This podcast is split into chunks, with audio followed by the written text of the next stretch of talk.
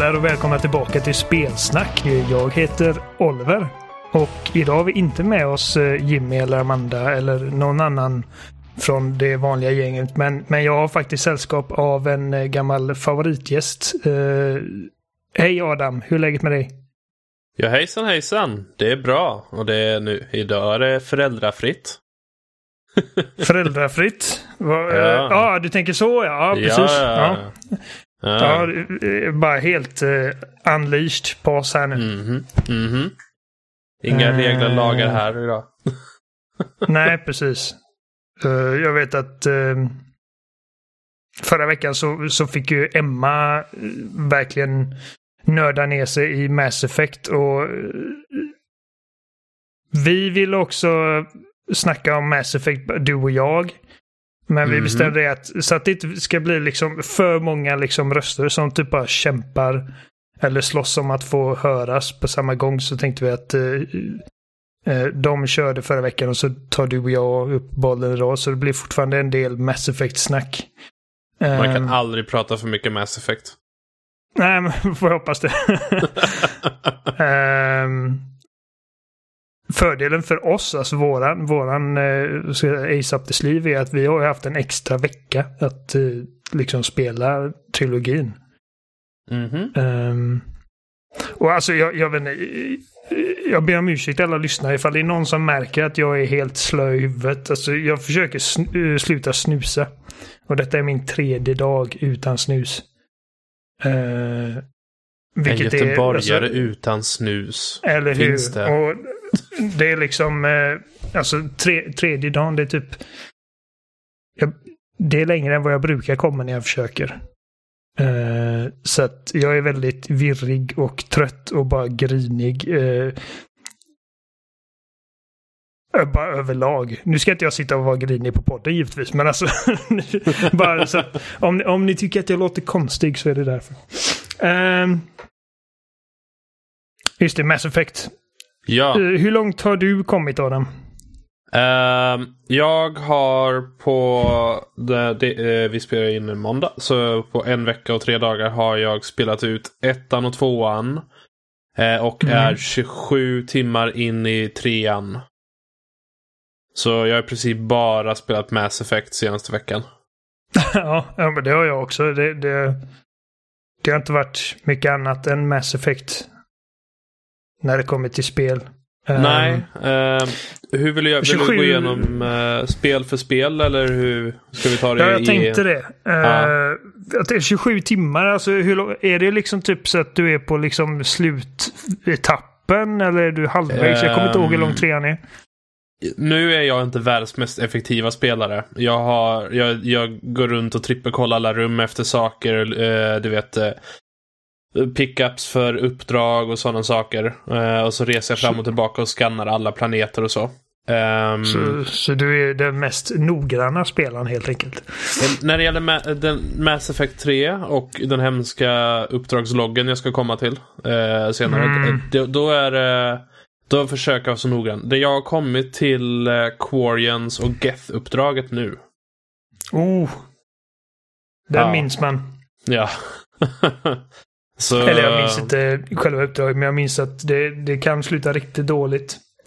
jo, jag, jag, har sett folk på YouTube göra väldigt eh, felaktiga saker och det går väldigt, väldigt tragiskt. jag blev klar med tvåan i natt. Mm. Uh, nej, tidigt i morse gjorde jag sista uppdraget. Så, så jag, jag, gjorde det sista, sista på Arrival. Ingen i dog? Tvåan. Uh, ingen dog. Och det, det är en grej, liksom, jag vet att typ, när man har pratat om Mass Effect, liksom att folk är liksom nervösa för att de ska förlora. Jag har aldrig förlorat någon på, på Suicide-uppdraget i slutet av tvåan. Uh, jag antar att det går om man, om man verkligen anstränger sig för att förlora alla.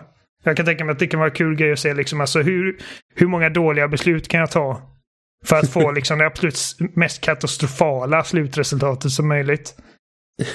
eh, men alltså eftersom att jag alltid har ett helt lojalt, en helt lojal besättning och aldrig sätter liksom wildcards på de här olika uppgifterna man ska ge ut. Mm. Så, som det är liksom när de säger att vi behöver någon, en tech-expert.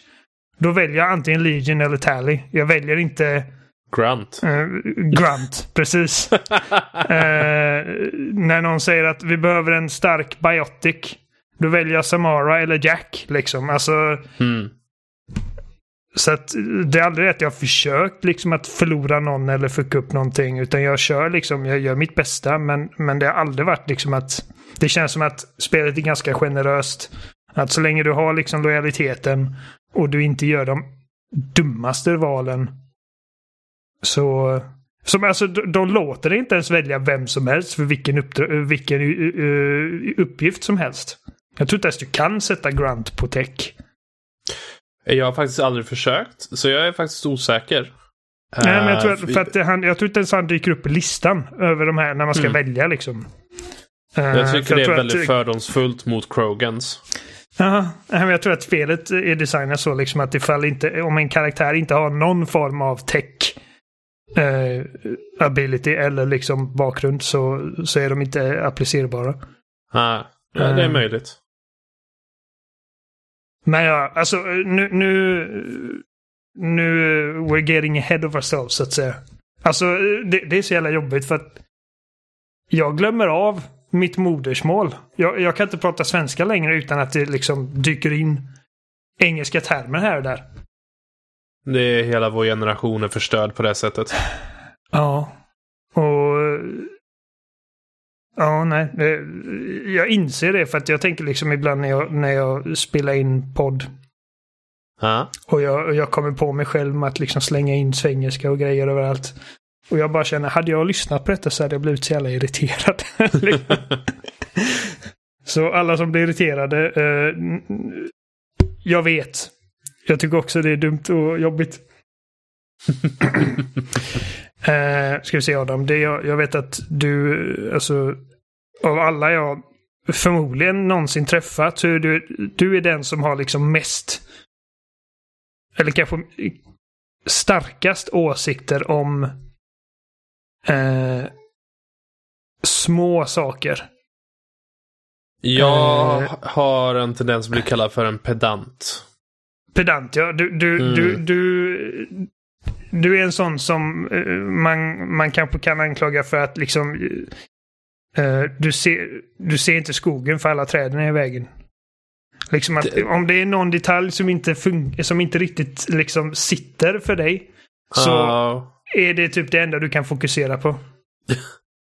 Det är kanske inte riktigt så illa, men det är någonting åt det hållet. Jag, jag har svårt att släppa grejer om, eh, om, om det är en spricka i fasaden när jag räddar hela huset ratar. Mm.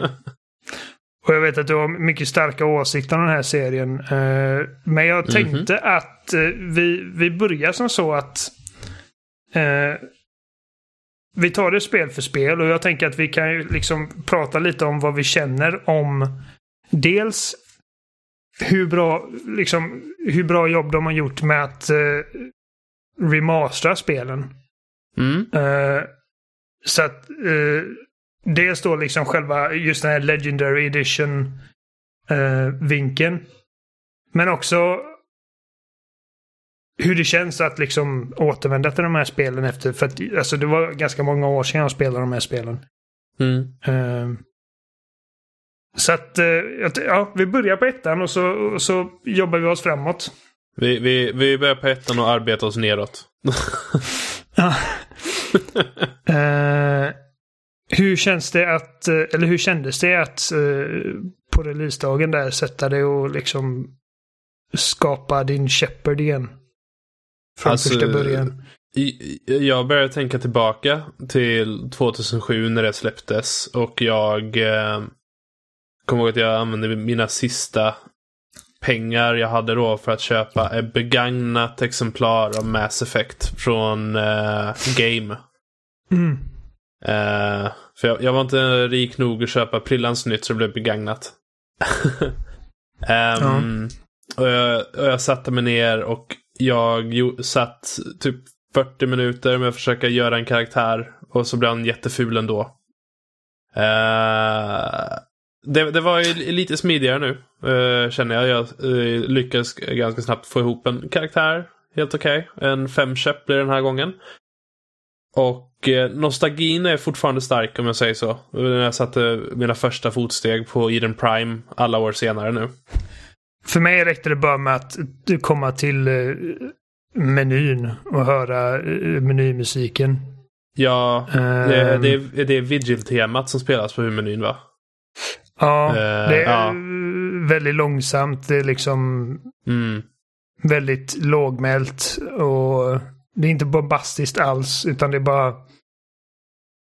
Ja, nej. Jag togs tillbaka med en gång. Ja.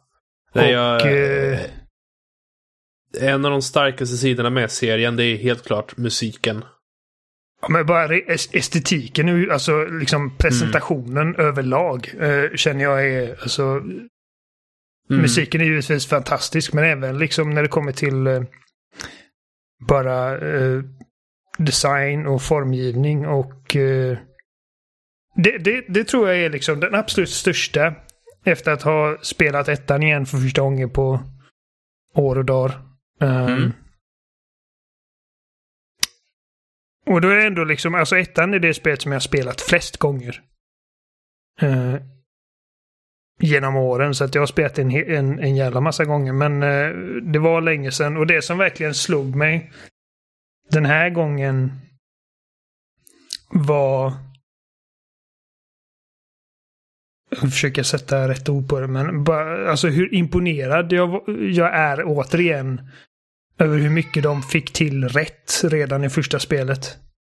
Mm. Liksom att så mycket av liksom grund eh, mytologin och liksom alltså bara det liksom att de redan i första spelet har liksom lyckats fantisera ihop hela detta Alltså hela detta universum liksom med alla olika raser och alla olika raser har sin egen kultur och historia och alla de liksom, olika raserna har även eh, historia med varandra och liksom konflikter som har hänt och liksom hur det har format relationerna mellan raserna och hur det liksom eh, Alltså jag har, berättat, jag har berättat det här förut, men alltså eh, Mass Effect, när jag köpte det var väldigt mycket en eh, så här, grisen i säcken för mig. För att jag... Eh, innan dess, jag, jag är ingen jättestor rollspelare idag heller, men då så hade jag inte spelat något rollspel i princip. Så det var väldigt så här att oj, jag har ingen aning om jag kommer gilla detta. Um, Eftersom att det kom mer från liksom en actionbakgrund. Och då, då hade jag ju spelat Gears of War på Xbox 360 och jag kommer ihåg liksom när man landar på Eden Prime. Och man skjuter de här liksom ficklampsrobotarna. Och animationerna är så styltiga, särskilt i jämförelse då med Gears of War.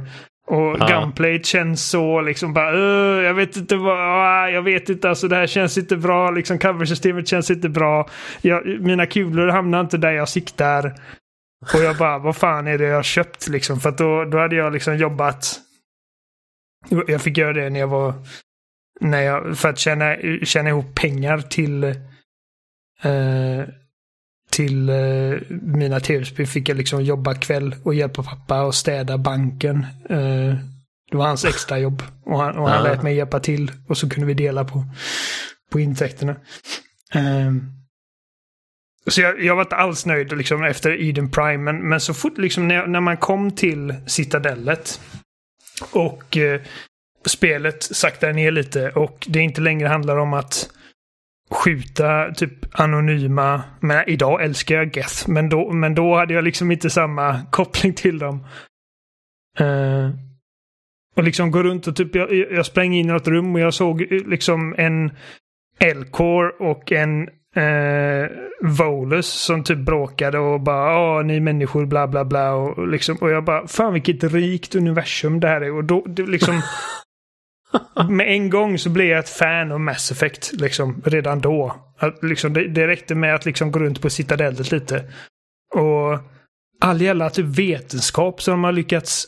Uh, alltså liksom bara Mass Effect-grejen. Eh, uh, liksom, hur de har ramat in det. Liksom, hur, eh, möjliggjort det här med rymdfart. Och... Mm och jag kan tänka mig bara, alltså du är liksom ännu så här sci-fi nördigare än vad jag är liksom. Du och rymdskepp och, ja. och sådana grejer. Uh, alltså, jag, jag, jag kommer ihåg när jag läste speltidningar och sånt innan 2007 och uh, jag mm -hmm. såg bilder på Mass Effect. Uh, och man såg bild på Normandy-skeppet och så och jag var direkt bara Det här ser intressant ut. um, För, alltså, ja, så, jag kan bara tänka mig liksom, alltså Mass Effect är typ så här, alltså bara, bara rent konceptuellt är det ju så här ett nörd-nirvana för dig. Kan jag tänka mig. Ja, alltså det som Bioware förr, jag är inte lika såld på dem idag, men förr var de väldigt, väldigt bra på att skapa intressanta världar. Och uh, att återanvända uh, redan existerande idéer och sånt och göra någonting intressant och nytt av det. Mm. Eh, så det är samma sak med Dragon Age Origins. Det är i grund och botten ett generiskt eh, fantasy-universum. Men som är presenterat väldigt intressant och har en väldigt intressant historia hur det är sammansatt. Och det är mm. samma sak med Mass Effect. För den som typ spenderar ja, mer än några timmar på att kolla science fiction-serier från typ ja, 80-talet och framåt känner igen mycket i Mass Effect. Jag menar, Uh, Quarians är ju, en, är ju Battlestar Galactica rakt av. Uh, I princip bara att uh, istället för att hitta en ny planet att bosätta sig på så bara fortsätter de vara i rymden och få sabbat immunförsvar för det. Ja, um, och liksom Reapers hade ju nästan lika gärna kunnat säga Resistance is futile. ja, alltså de är ibland mellan Borg men också i princip Cthulhu. just mm. med hur de tar över folk och sånt. Så det är det som de alltid... Ser väldigt, eh, liksom, de ser nästan lite Lovecraftian ut. Ja, exakt. Det, det, det är mm. någonting de, som är väldigt, väldigt um, medvetet från Biowares sida. uh, och, och, jag tycker också om deras design. Du vet, nu, nu är det lite hopp till trean. Du vet när Reapers anfaller och man ser mm. dem bara dyka ner. Och det är typ som stora händer som bara greppar. mm, ja, det är riktigt bra design. Och, och ja. jag fick, fick mig tänka på också för att de, de påminner också om andra, andra grejer man har sett förut. Liksom det, det, mm. det för tankarna lite till liksom War of the Worlds. Uh, och, och massa grejer. Så att, och, och många av de här liksom det teman som finns i spelen, det är liksom inte någonting som Bioware har uppfunnit på något sätt. Uh, det här med liksom artificiell intelligens är en väldigt stor grej genom serien. Mm. Uh, liksom uh, är, är artificiell intelligens riktig intelligens? Liksom borde man behandla Gets som vilken annan ras som helst fastän man vet att de är liksom konstgjorda. Mm som sagt, det är liksom ett jättegammalt koncept, men, eh, men eh, det, det de har gjort bra är liksom att de har tagit tematik och idéer som det finns mycket att säga kring. Mm. Uh, och uh, formar det på intressanta sätt. Uh, för att liksom bara en sån sak som AI är liksom, bara som koncept är AI jävligt um, tacksamt som, eh, liksom, som utgångspunkt för att uh, diskutera saker rent filosofiskt. Mm. Uh, så ja. Nej, jag förstår vad du menar. Liksom att det, man kan se mycket liksom sci-fi DNA överlag liksom från, från, från alla möjliga sorters IPn mm. i Mass Effect. Det som Bioware också lyckas bra med är att de gör också ett universum där, där det som är komplicerat. Liksom att eh, så om vi tar många andra science fiction-universum eller eh, high concept-universum. Mm. Eh, som fortfarande är fantastiska. Så är det så att de ofta är väldigt designade efter ett tema. Till exempel när du nämnde artificiell intelligens. Det är bara ett tema i det här universumet. För alla konflikter ja. kretsar inte kring det. Eh, utan vi har ju det, flera olika typer av politiska grupper som agerar i galaxen som har sina egna problem. Och mm. ändå lyckas det komma ihop på ett sätt som påminner om vår riktiga värld. att det finns flera olika frågor vi måste prata om. och så, Men liksom alla har sina egna problem. Och det är, något, det är en av de sakerna som får den här världen att kännas väldigt levande och någonting man vill utforska. Um, för jag kommer jag kom ihåg själv hur jag liksom satt och bara lyssnade igenom um, vad heter det nu? Uh, kodexen. Uh, mm. Jag lyssnade på varenda liten ljudbit och läste allt djupningsmaterial.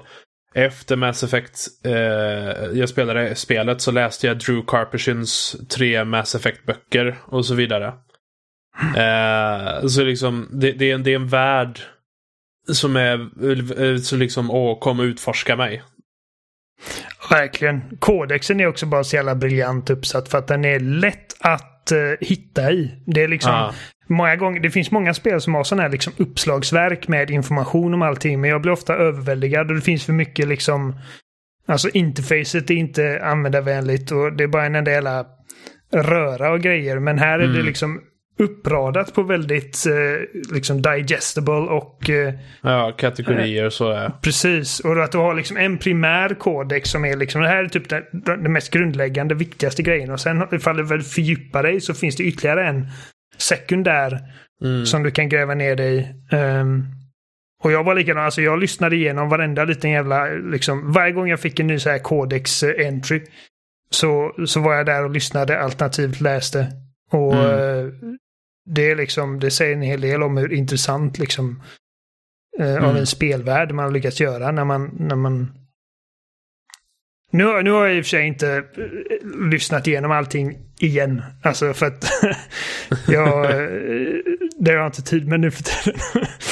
men, uh, men kodexen är jättetrevlig. Och jag, jag, var, var det var det i trean eller Andromeda så de övergav liksom uh, uh, voiceovern? Det är Andromeda. Uh, Andromeda var det. Och det, det, var samma sak i, i Dragon Age-serien. Nu har de aldrig haft röstöverdrag. Alltså röst, någon som läser upp. Okay. um, I något av Dragon Age-spelen. Men de, de, Andromeda är väldigt mycket som um, Dragon Age-serien i hur kodexen ser ut. Och de var mycket mindre intressant och svår att sätta sig med också på grund av det. Mm -hmm. eh, så jag hoppas att det här nya Mass Effect-spelet eh, de, eh, de arbetar på, att eh, de i alla fall satsar på en sån kodex igen, hoppas jag. Precis, ja. Det, alltså, man kan tycka att det är en lite liksom onödig grej. Uh, men jag vet inte, jag bara tycker att det, han som, särskilt han som, som faktiskt gör voiceovern för de här, jag tycker att han har en väldigt behaglig röst. Han liksom ja. drar in en. Uh, ja, nej men alltså, så, så det är liksom den stora takeawayen för mig liksom med, med det första spelet att uh, de lyckades fördjupa uh, eller snarare, de lyckades presentera ett redan fördjupat universum. Liksom alltså en, värld som känns som att den har haft liksom år och år och år och år av liksom eh, fördjupning och att det liksom har byggts på. Och detta var liksom första spelet. Ja, och det bästa är eh. också att det är inte så att de har massa lore som bara nonsensord. Som låt oss säga... Um, vad heter det nu? Anthem för Anthem mm -hmm. hade ju också liksom, oh vi har massa lore, men det var liksom bara flum och ord. Ja, uh, Destiny. ja, och, och Destiny. Det, det, eh, det, det, är ett väldigt bra exempel. Uh, där liksom, ja, lore är liksom nonsens. Traveler och light och darkness och bara så här abstrakta ja. koncept. Uh, Ja, nej, alltså, och det, allting känns väldigt liksom trovärdigt. Liksom, det mm. finns ingenting i de här spelen. Um, eller åtminstone i det första spelet. Jag, jag är inte klar med trean och jag minns inte Andromeda. Men alltså det finns inte mycket i de här spelen som jag känner att ja, det där är omöjligt att det kan hända i framtiden. Liksom. Mm. Mycket av det, alltså det känns så jävla förankrat i verkligheten och vetenskap som vi har idag. Även om liksom det här med Mass Effect Fields och eh, Biotics och sånt att det är givetvis liksom att vi inte är där. Och vi, vi, alltså det är mycket liksom troligtvis så kommer vi aldrig hamna där men det känns ändå som att uh, i den här världen så känns det rimligt. Det är liksom inte magi. Det är inte som Star Wars, liksom the force. Uh, Där det bara är någonting som, som liksom hist historieberättarna liksom får hoppas att, uh, att uh, publiken bara accepterar liksom. Uh, Mm. Nej, så, att, så att det är alltså grymt imponerande. Det, det, det är samma som någonting som jag alltid varit liksom helt eh, begeistrad över är liksom även typ eh, arbetet som eh, Tolkien gjorde på Sagan om ringen. Liksom att, alltså, Mm. Han har tänkt på allt. Han har liksom uppfunnit språk och liksom...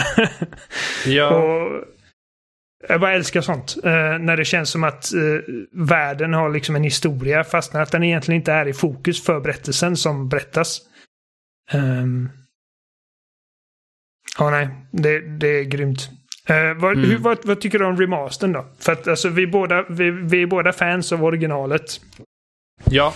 Ehm, Eh, När det kommer till remastern. Jag, Mm. nu, du, både du och jag spelar på Xbox eh, Series X va? mhm. Ja, för du spelar inte på Playstation, nej. Ehm, Nej. nej, vilket gör att vi spelar ju för det mesta eh, 4K 60 FPS. Det flyter på väldigt Yes. bra. Uh, Mm. Prestandamässigt är det ett enormt kliv ovanför Xbox 360-versionerna. Det är som du sa, Eh. alltså, du skrev till mig i sms. Bara, det känns weird. Det känns fel att spela Mass Effect på konsol. Med så här bra Ja. performance. Ja, för man, man har alltid haft att kunna spela PC-versionen. Och Det, är liksom, det kan bröder oss driva idag liksom. Eh, men liksom att sitta i soffan och njuta av det. eh, det känns liksom förbjudet. För jag kommer ihåg liksom varenda gång man är på Feros och ska rädda kolonisterna så är det typ 20 FPS medan uh, en armature ragdollar över slagfältet typ. ja, just det. ja, Ragdollen, det, det, det var jobbigt för, för motorn. Ja, och det, det var mycket som var jobbigt för motorn. Ehm, så det, det, jag är glad att de har förbättrat saker. Landningstiderna är på sekunder. Ehm, de är ju så snabba nu att man kan välja att hoppa över det, det man hör i hissarna och så i ettan. Gjorde du det? Eh, jag har ju hört typ allting de har att säga. Så Ja. eh, jag kommer ihåg så mycket fortfarande. Så det var en del som var, aha men det är här de säger hopp.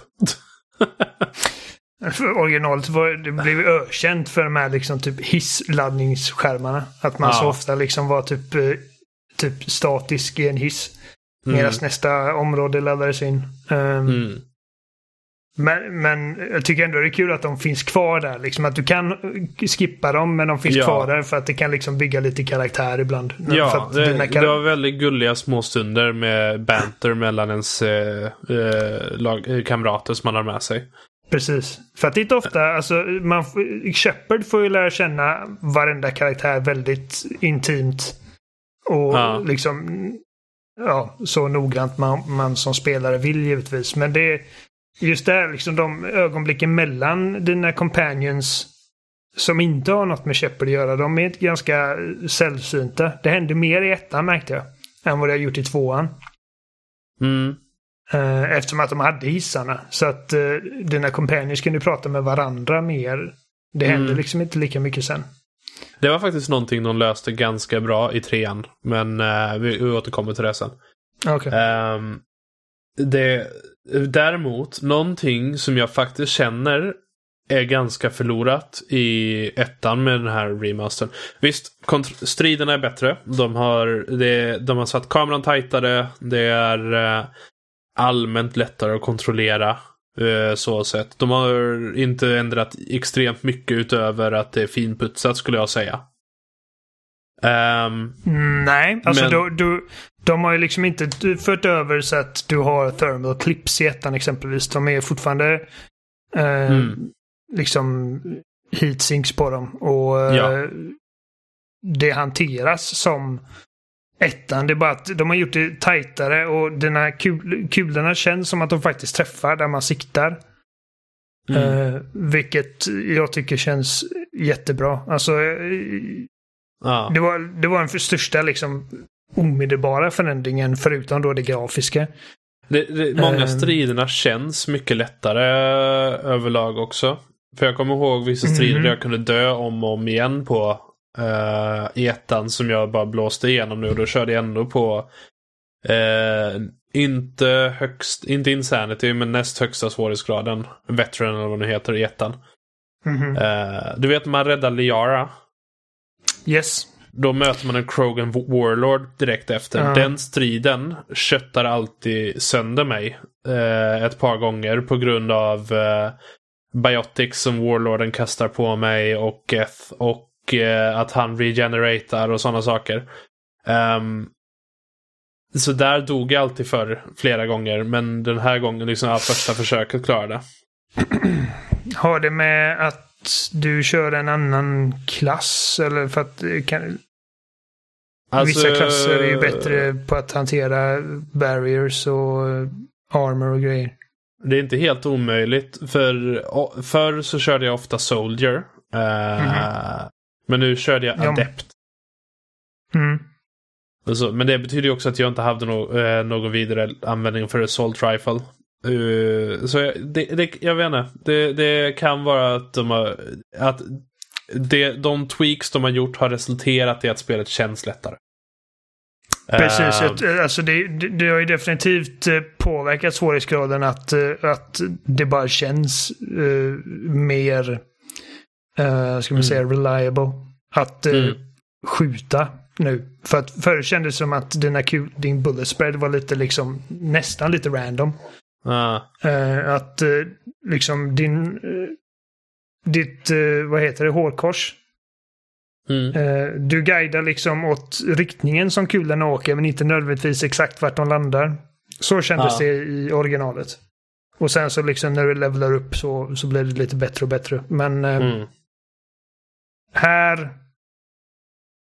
eh, här har de faktiskt gjort så att alltså, du kan ju levla upp dina vapen för att göra dem ännu mer effektiva liksom i skada och sånt. Men det finns eh, ingenting som gör att om du inte är soldier så kan du inte använda scopen på snipen exempelvis. Det var sådana dumma restriktioner de hade förut. Vilket jag förstår liksom att det, är så här typiskt rollspel, liksom att du ska ha attribut och du ska ha olika grejer och du ska eh, uppnå vissa kriterier. Men just det här liksom att om du ändå låter mig ha en sniper i i mitt inventory. Låt mig använda scopen för fan. Eh, det känns bara liksom restriktivt och dumt. Eh, så att sådana grejer tycker jag har, har gjorts bra. Mm. Ehm, jag kan inte säga så mycket om hur svårighetsgraden har påverkats för att jag, jag har aldrig upplevt det spelet vara särskilt svårt. Uh, alltså inte på normal i alla fall och det är det jag kör nu också.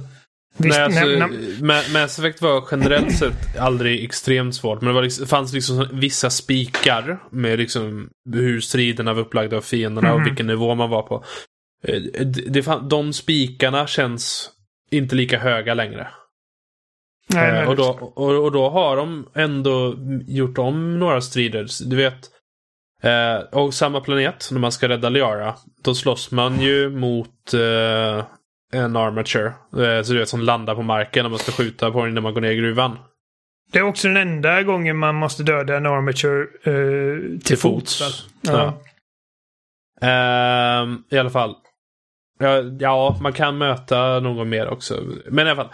Eh, hur som helst. Ehm, och, men de har lagt till också att det är fler fiender som kommer i den striden. För jag för mig att det i princip bara var eh, de här hoppande eh, eh, Geth-robotarna som bara hoppar och eh, som ser ut som Ja, grodor som kryper omkring. Jobbiga grodorna, ja precis. eh, så jag- Stalkers, jag kommer inte ihåg vad de heter. Ja. Eh, så det, det, det känns som de har lagt till fler vanliga Geth-soldater där också. Så att man inte bara gömmer sig bakom skyddet och så. Eh, men i alla fall, så det är såna, såna tweaks. Och det, det är fine. Jag tycker om alla de förändringarna och jag tycker om många av de nya texturerna. Det ser mycket skarpare ut. Ehm, och så. Däremot- på eh, typ vissa estetiska skillnader. Det är det jag tänkte komma till. Jag, Ja. Vissa planeter tycker jag, okej, det här ser be- eh, visst bättre ut och så. Men det är inte bara till exempel hur Eden Prime ser ut. Eller hur Feros ser ut. Eh, så. Utan det är även hur belysningen är. Så till exempel om du springer runt på Citadellet i, nere i eh, The Wards. Till Mhm. exempel. I originalet så var det mycket mörkare, eh, lite mer bloom, lite mer lila och blått. Det var lite mer utomjordiskt och moody, lite, lite stämning i det. Medan mm. nu är belysningen det är mycket ljusare och mycket plattare till exempel. De har, de har inte riktigt brytt sig om att bevara estetiken.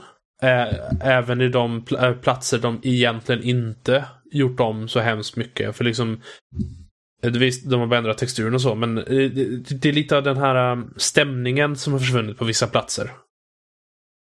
Men det är ju också någonting som typ jag tänker på för att jag har spelat originalet så många gånger. Jag, för Precis. de som hoppar in i spelet nytt, de kommer inte bry sig. Nej, och uh. även för någon som mig då. Så jag har ju lite sämre minne för sådana detaljer än vad du har. Eller lite. Jag har mycket sämre minne för sådana detaljer. Så att eh, jag hade aldrig kunnat säga liksom att ah, det här ser annorlunda ut. Um, för jag tycker att Ilos ser fortfarande ut som Ilos. Eh, uh, Pharaohs ser ut som Pharaohs och Noveria ser ut som Noveria. Och det är klart att ifall man sätter dem sida vid sida så hade jag kunnat peka ut att ja men okej, där skiljer det sig. Men uh, hade du inte sagt eller hade du sagt att ja, men det ser exakt likadant ut som det gjorde förut. Mm. Så hade jag trott dig för att det är liksom, jag, jag kommer inte ihåg sånt. um, bortsett då ifall Noveria plötsligt hade varit um, hade varit ett liksom tropiskt paradis. Då hade jag reagerat. så pass bra minne har jag att jag kommer ihåg att yeah. Noveria liksom var typ en isig skitplanet. Um, men alltså, sådana vissa... liksom mer uh, subtila uppdateringar och sånt har jag inte alls lagt, lagt märke till. Utan det som mm. jag har tänkt på är liksom vissa ansikten. Um, mm. Jag vet att... Uh, och detta är alltså detta är absolut störst i tvåan. För det var inte lika många gånger i ettan som jag reagerade. Jag tror att jag reagerade på att Chakwas hade lite annorlunda hårfärg. Um, Um, ja, uh, och nu glömmer jag bort hans namn bara för det. Och han uh, second officer, ja Presley. Kan man nästan säga Wesley, men det är från Star Trek. och jag kan inte svära på det, men jag har för mig att Chakwas uh, såg lite annorlunda ut. Däremot så har vi han uh, i tvåan, om vi får hoppa fram lite innan vi egentligen ska mm. göra det. Ja. Yeah. han kökskillen eh, matrosen eller vad man ska kalla honom. Han ser annorlunda ut, vill Ja. Ja, det är eh, vissa ansikten de har i, i, då och då som de valt att helt göra om. Absolut uh, största offendern är stackars... Uh, uh, heter hon Kelly? Ja. Kelly Chambers. ja. Hon ser, hon... Inte, hon ser inte ens... Hon är inte ens lik sig själv längre. Alltså, Nej. Hon, hon ser, jag... hon, hon, är rent ful i det nya. Det ser ut som hon har uh, blivit stucken av några bin i ansiktet ibland. Ja, men alltså, ja. Hennes, hennes modell ser inte, ser, ser inte färdig ut. Liksom. Nej. Alltså um... min gissning är att de tidigare haft eh, generiska NPC-modeller. Uh, som de sen valt att bara ändra av någon anledning. Eller jag vet faktiskt inte varför de har ändrat de karaktärerna. Ja, det, uh, så, det, så det kan det vara märkligt. att uh, liksom när man gjorde Kelly inför, alltså typ inför originalreleasen. Att hon kanske var liksom en mer generisk uh, preset som de sen pillat på. För att de har ju förmodligen inte liksom arbetat lika hårt på hennes karaktärsmodell som typ jag vet inte, Jacob och Miranda. Mm. Um, men jag vet inte. Alltså, hon, hon var helt oigenkännlig. Alltså, um... mm. Ja, nej men, men miljöer och sånt har jag inte märkt av uh, någon större skillnad på. Även om jag vet att det gjorts grejer. För jag har ju sett det bara på deras egna hemsida. Har de ju visat så här jämförelsebilder. Ja. Ja, de, de flesta ändringarna har jag inga problem med. Det är just det, det är mest vissa saker jag tycker är väldigt synd har ändrats. Som just belysningen. Till exempel eh, när man besöker eh, eh klubbarna eh, i Wards. Det är inte, det är inte närheten lika moody och kontrastfyllt. Det är, lite, det är mycket mer platt till exempel och, och det är synd. Eh, men annars, spelet är fortfarande där. Det är samma fantastiska karaktärer. Jag kör fortfarande Garrus och Rex hela tiden. De, de är mina boys. Um, Mm. Och ehm, jag, eh, jag... De har gjort um, utforskandet och sidouppdragen mycket mer hanterliga tack vare de här laddningstiderna. Så Ja, att- verkligen. att liksom resa runt i galaxen och utforska planeter. Liksom, tiden är typ halverad nu utan laddningstiderna och så. Mhm. Så det, jag, det, det, det, är, det är det bästa sättet att spela Mass Effect på. Även om de har pillat på vissa saker lite mycket tycker jag. Ja, ja men jag, jag håller med. Alltså, Mm. eh, det här är definitivt den liksom definitiva upplevelsen av för att eh, liksom allting som gjorde ettan till ettan eh, finns kvar här. De har inte försökt liksom strömlinjeforma några eh, liksom eh, inventory-system eller något sånt. För att mer likna det man hade i tvåan och trean. Eh, Mass Effect 1 är fortfarande liksom Mass Effect 1. Mm. Eh, Och det är jag väldigt glad för, för det är fortfarande ett av mina absoluta favoritspel. Om, man eh, jag, om jag ska göra en topp 10 så skulle det vara med i typ bland de fem bästa. Det är Mm. så mycket jag älskar det. eh, det. Eh, jag tycker om ka- Eh. karaktärerna, jag tycker om konflikten, jag tycker om skurken, jag tycker om... Jag, jag tycker fortfarande att hela twisten i spelet är en av de bästa i serien. Eh, med Sovereign och det. mm. Så det, det, det är mitt favoritspel i hela den här samlingen. Eh, jag vet att om man frågar, liksom, typ om man lägger upp en poll på Twitter eller någonstans så blir det ofta liksom att eh, konsensus på något sätt är att tvåan är liksom fanfavoriten. Men Jo, det har men- alltid varit eh, liksom en stark liksom eh, bannerman för ettan. Ja. Och Eh, ju- vad är det känner som... du? Ska, ska, ska jag tänkte fråga, ska vi gå över till tvåan nu tycker du? Eh, ja, alltså. Ja, jag tror att mycket av det jag har kvar att säga om ettan är med, liksom i kontrast med tvåan. Ja. Men vi kan gå över lite då. Och då, då, då är det... Det tvåan gör, utöver att de förenklar en massa system, är att de också skiftar i ton extremt mycket. Och jag skulle säga att i den här samlingen så är tvåan nästan det spelet som har åldrats sämst. Eh, ironiskt nog. Tack vare att det och försöker vara så nedrans edgy hela tiden. Mm. Eh, det- Ehm, det- alla karaktärerna svär mycket mer. Ehm, det är mycket mer sex, det är mycket mer våld, det är mycket mer... ehm, det, oh, kriminalitet och ja. undervärlden. Och, Ja. Eh, liksom, åh, offrar dina principer för att rädda galaxen, Shepard, liksom sånt. Ehm, och det, är- det är överlag mycket mer, jag, jag citerar, cringe. Ehm, nu. eh, ja, men alltså det var lite så här släpptes. tonårs-angsty. liksom. Ja, det är typ, du vet de första tio minuterna av Prince of Persia Warrior Within, fast det är typ utdraget på Ja, 25 nu, timmar. nu ska vi inte överdriva. Ja, men det, det, man märker liksom att varenda gång någon bara... eh, så fort en karaktär eh, liksom eh, ska visa att han är elak och eh, det handlar om en annan kvinnlig karaktär, då, då säger han bitch. Det säger de hela tiden bara. Oh that bitch. Jag bara... Åh herregud. Alltså, jag menar, eh, Shepard har i alla fall inte liksom mellan spel typ skaffat sig långt emo-hår och typ börjat lyssna på eh, typ eh, Godsmack. metal och... Men vem vet, Shepard kanske hade behövt ha lite emo-hår så, han, så hade han passat in bättre. Mm. Det är typ en av alla uppgraderingar Cerberus ger honom. Spared no expense.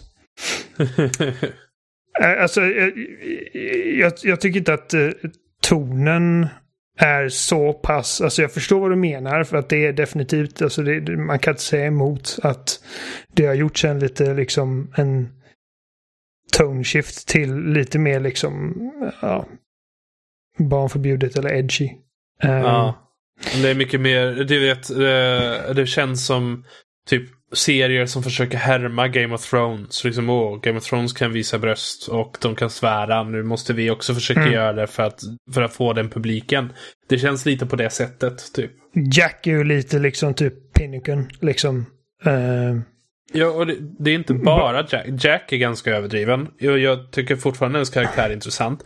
För det är också något värt att ä, ä, nämna att även om det är väldigt um, unikt. Med sin edginess nu, om vi säger så. Uh, så tycker jag fortfarande om den större delen av casten. Uh, Jacob är en, en planka och Miranda är tråkig. Men ja, Ja, jag, men jag tror att det, för mig är det det som Mass ja. Effect 2 är. Alltså, bara när det kommer till summan och kardemumman, om man ska säga. Det som det som summerar och det som gjorde Mass Effect 2 för mig är din besättning. Mm. Eh, som liksom har mer än dubblats liksom bara i omfång. Det är så sjukt många karaktärer och i två. mångfald. eh, att, ja. eh, och nästan alla är intressanta karaktärer med liksom väldigt spe speciella um, ska man säga, upplevelser och bakgrundshistorier och, och grejer. Um, jag vet, för mig så, när, särskilt så här med facit i hand att spela den här serien igen med liksom ett färskt perspektiv efter att ha liksom spelat mycket andra grejer i många år. Är... Eh, för medan alltså Mass Effect 1 kändes, eh, det kändes ungefär som ett liksom rollspel med, eh, som var förklätt som en som ett actionspel. Mm. Eh, Medan det definitivt görs tydligt liksom redan inledande eh, timmen i Mass Effect 2 är att detta inte alls är ett rollspel utklätt till actionspel längre utan det är tvärtom. Eh, mm. det är ett actionspel som är liksom förklätt till ett rollspel. Och eh, jag vet att alltså just det här med typ genrer och vad som klassas som rollspel och vad som klassas, inte klassas som rollspel. Det, alla har säkert väldigt olika eh, åsikter om vad, vad det innebär. Eh, men eh, alltså du, du har mycket mindre mycket mindre liksom attribut för det första. Bara att lägga dina liksom eh, färdighetspoäng på. Eh, mm. Och eh, du är mer res liksom eh, restricted i hur du använder dem. Även om jag aldrig har förstört mig på eh, hur biotics och sånt fungerar. För förut så kunde liksom varenda kraft hade sin egen cooldown i första spelet. Ja. Det gjorde att man kunde kombinera sina krafter på väldigt spektakulära sätt. Mm. Här så är det liksom att en varje gång du använder en power så, så startas din liksom cooldown och du kan inte göra någon annan kraft förrän den cooldownen är slut. Um, för mig har det aldrig varit ett problem för, jag, för jag tycker att uh, krafterna är liksom uh, har alltid känts mer effektiva i tvåan. Uh, och eh, de är roligare att använda tycker jag i tvåan och trean då än, än i ettan. Ehm, så att det är inte det är inte det att jag klagar på hur det fungerar, men det är definitivt liksom mer liksom strömlinjeformat för action-syften. Och uh, så, liksom, Shepard behöver liksom inte någon i sitt party med tillräckligt hög decryption skill för att kunna hacka allting i spelet längre. Utan uh, mm. han kan hacka vad han vill. Um, det läggs inte samma liksom krav på spelaren att, att verkligen rollspela Mm. Eh, för att liksom nå bästa resultat. Um, och en sån, bara en sån sak som att uh, du, du, liksom, du, du hittar nya vapen genom spelets gång men de är liksom inte, det finns liksom inte det typ att man ska jämföra stats.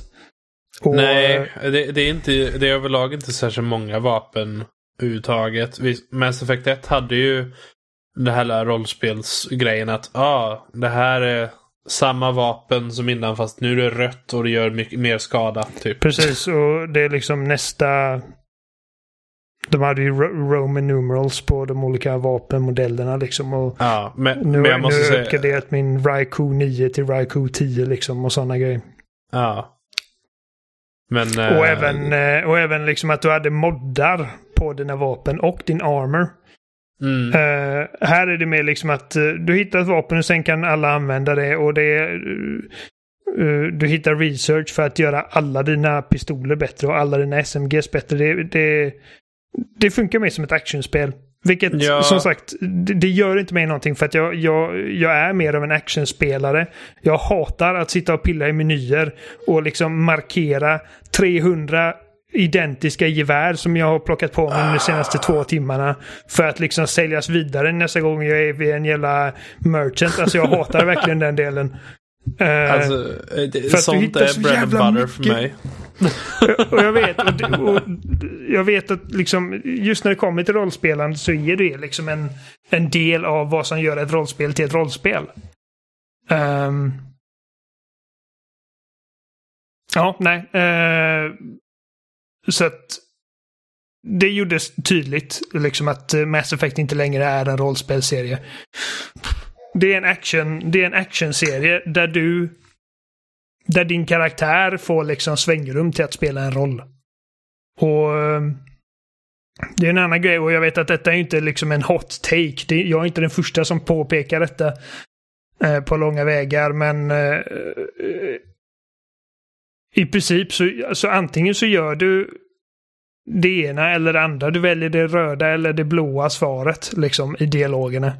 Mm. Eh, de här spelen är ju liksom uppbyggda med Paragon och Renegade-systemet, vilket är ett roligt system för att det ger dig som spelare liksom eh, olika sätt att, eh, särskilt då i ettan med de här um, quicktime events-grejerna där man faktiskt kan avbryta ett händelseförlopp med antingen en god eller en inte lika god gärning. Eh, vilket är kul, men, men eftersom att det är så liksom svart eller vitt i de här spelen. Det finns liksom inget svängrum för eh, ska man säga ambiguity. Så egentligen när det kommer till liksom eh, som rollspel så du väljer liksom du gör ett val i början av spelet sen håller du dig till det.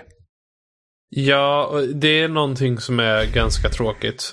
Ehm, det Och jag tyckte det- att eh, liksom rent filosofiskt så tyckte jag att de gjorde rätt med Andromeda att slopa Renegade Ja. och Paragon-systemet. Alltså idén i Andromeda är väldigt, väldigt sund. Um, genomförandet... Genomförandet. Nej. Och, det, Nej. och det, jag menar, de, de hade ju samma sak i Dragon Age Origins. Och Dragon Age Origins är också ett av mina absoluta favoritspel. Ehm, Mm. För där väljer man liksom mellan en handfull olika dialogsaker och det finns ingen som är rakt av åh, detta är det goda, detta är det onda. Utan det är liksom man får försöka antingen anpassa sig efter hur man känner att sin karaktär skulle vara. Eller liksom för, för situationen just då. Så det är någonting som Mass Effect-serien överlag har haft problem med just eh, moralsystemet i det. Eh, och hur det, man... det, alltså, det, näst- finns, i- det finns inget att vinna på att inte helt gå det andra eller ena eller Nej. andra, andra hållet. och, och ofta blir man mer straffad om man försöker variera. Ja, jo, absolut.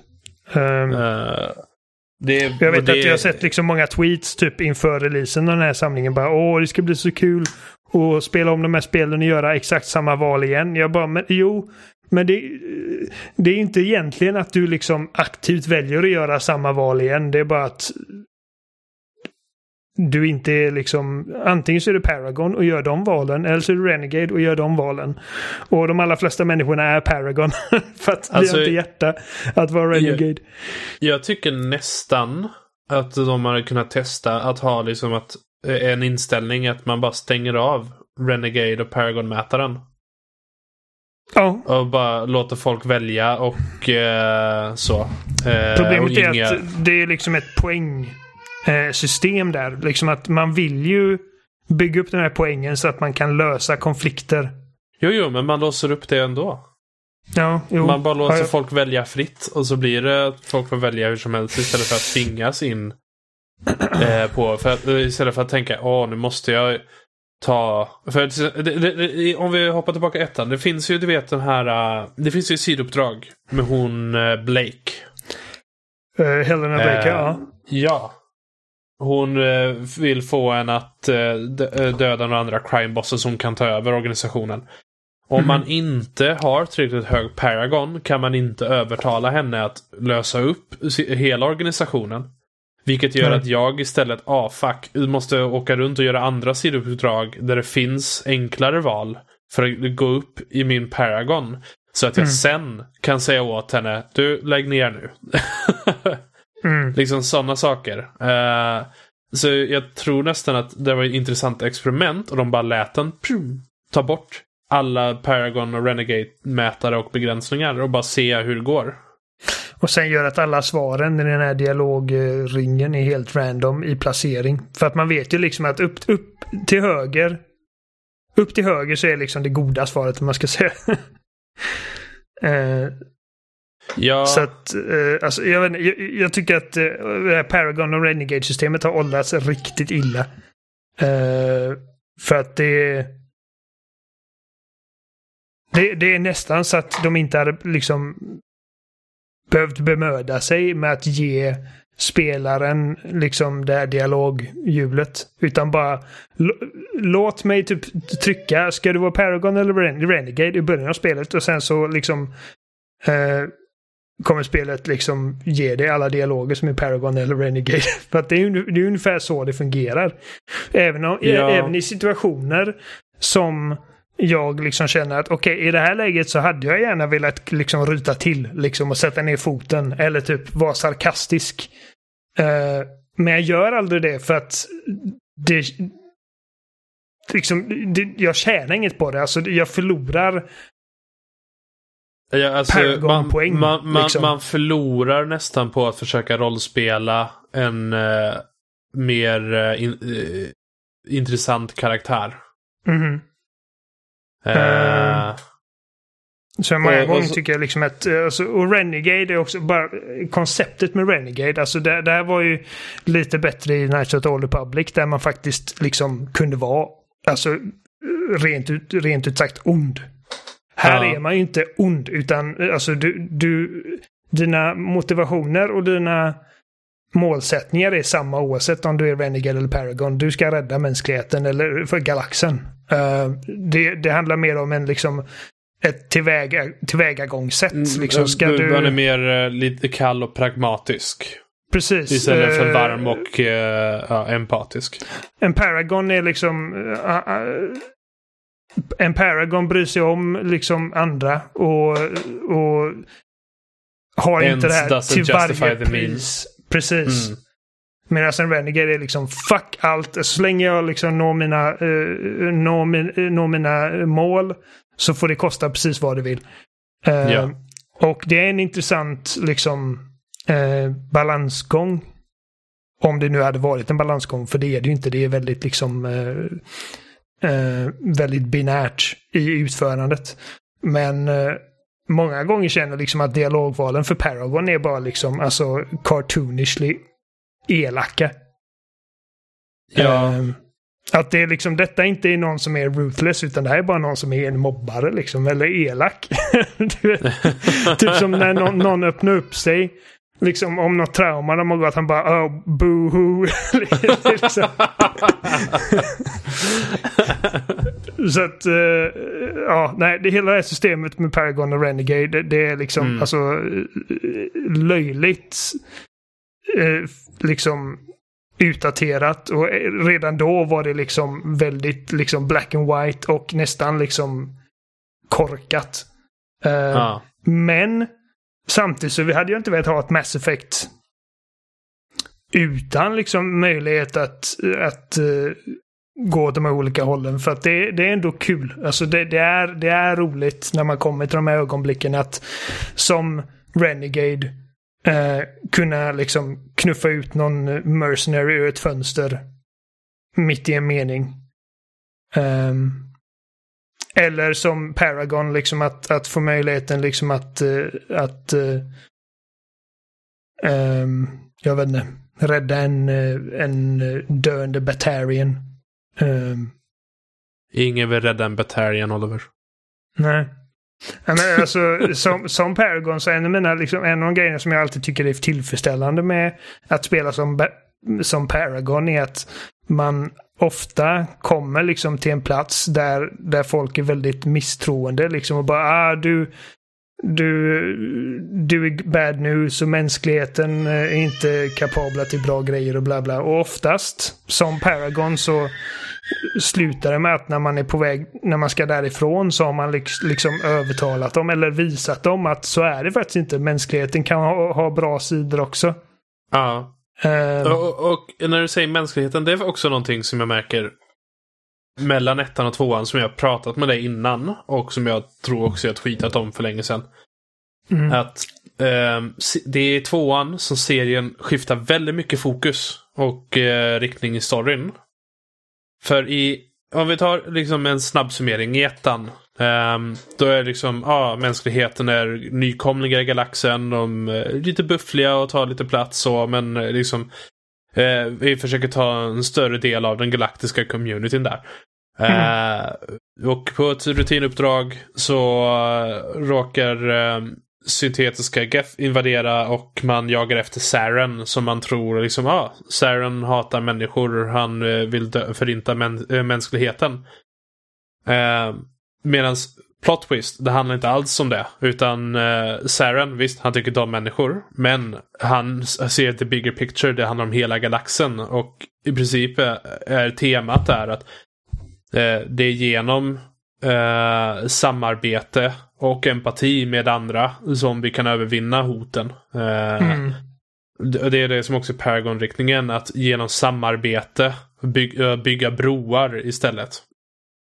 Mm. Eh, och att mänskligheten inte är ensamma eh, i det ansvaret heller. Utan Nej. det är liksom a bigger picture. Och sen kommer tvåan, som är väldigt mycket mänskligheten är unik och vi är hotade för det. för det är där man börjar prata om att eh, ja, men, eh, människor uh, oh. är så unika i sitt DNA för vi har så hög variation och, såna, och sånt. Bara bygger principen uh, plot point av att människorna kan se väldigt olika ut medan utomjordingarna uh, alla har typ en karaktärsmodell. Alla celler är likadana. ja. Uh, liksom, bara, uh, liksom sånt. Uh, och jag tycker att serien förlorar väldigt mycket charm ju mer de bankar in på det att mänskligheten är unik och speciell. Mm. Och i princip utvald. Det är samma misstag som jag känner egentligen med Halo-spelen. Att ju mer de hamrar in det här med... Reclaimers och... Ja, uh, mänskligheten är reclaimers och hur unika vi var och eh, sånt. Det är liksom, nej, nej. Mm, det, det, blir inte lika intressant för mig. Eh, och det är tvåan, det byter åt det hållet eh, rejält. Och jag, jag, jag, jag, är faktiskt ganska... Jag stör mig på det ganska mycket. Och varje gång, alltså, det var någonting jag tänkte på varje gång man ska liksom eh, rekrytera någon. Och man ska förklara liksom vad det är man gör. Och bara, ah, mänskliga kolonier har blivit eh, kidnappade. Och jag bara, det här låter inte så jävla spännande som du får det, så som du tror. Liksom. Människor Nej. blir kidnappade. Varför, varför, vad spelar det för roll? Nej, och, och, det är också någonting, Mass Effect 2 känns ganska mycket som ett mellanspel där skurkarna ja. inte är i närheten lika intressanta. Uh, uh, Collectors är de här boogeymen Uh, för liksom, ja, tvåan. Uh, man, man dör och sen är man inte död. En i princip etnonationalistisk eh, terrororganisation Cerberus har återupplivat den för att eh, ett par utomjordingar kidnappar mänskliga kolonier. Och den anledningen att man bryr sig är typ för att ja, de kanske arbetar med Reapers som är det stora hotet. det är typ det. Eh, så när de bara, åh, mänskliga kolonier försvinner i terminus-systemet. Det är liksom bara, alltså, ja och? Ja, alltså det, det, är ju inte, det är ju inte en no biggie liksom. Alltså det är klart att det, det är ju en, en någonting som behöver liksom kollas vidare på, men eh, och jag förstår jo. liksom att i slutändan så handlar det ju inte bara om människor för att detta är ju någonting som kommer gå ut över alla liksom. Det är bara att det började med människorna.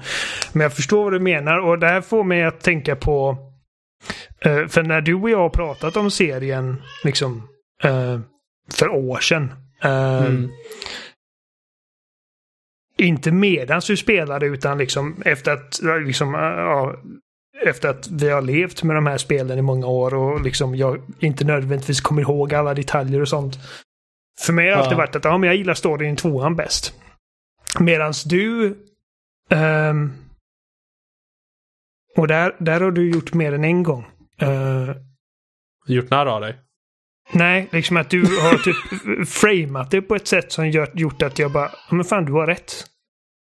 Um, det var med Gears of War. Liksom att jag tyckte att Gears of War 2 var sämst i serien och du sa att nej, det är bäst i serien. Och så spelade du och jag det och så pratade vi om varför. Och jag bara, fan du har rätt. Gears 2 är bäst i serien. Um, mm. Och du sa alltid liksom att du, alltså Mass Effect 1 har den absolut bästa storyn. Och det här är varför, och det här är varför, det här är varför, varför, varför, varför. Och jag inser så här nu när jag spelar båda två liksom back to back och jag har dem liksom färskt i minnet.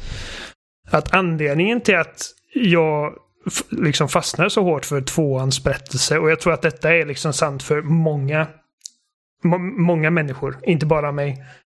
Mm. Uh, det är att man liksom det man kommer ihåg från de här spelen, som jag sa förut, det är din besättning och de här liksom relationerna. Du som uh, i rollen som Shepard bygger upp med de här olika karaktärerna. För att alltså 90% av det här spelet är i princip en teambuilding. Liksom att du ska ut och du ska hitta det bästa teamet, liksom de, de, de bästa liksom operativsen som går att hitta.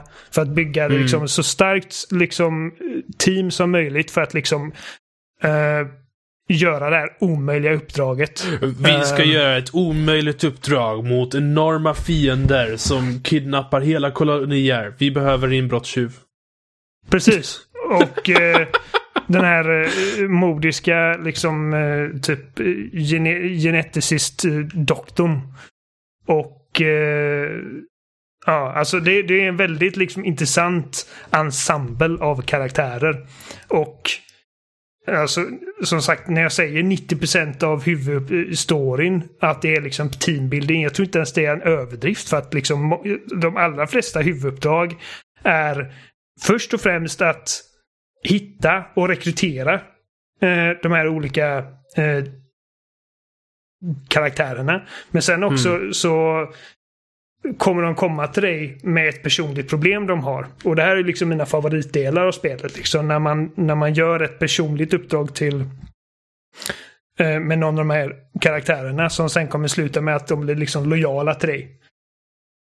Mm. Eh, många av mina favorituppdrag i serien är liksom några av de här liksom lojalitetsuppdragen som typ med, med Tallis. Eh, eh, Fred Richard som hon står inför på flotillen.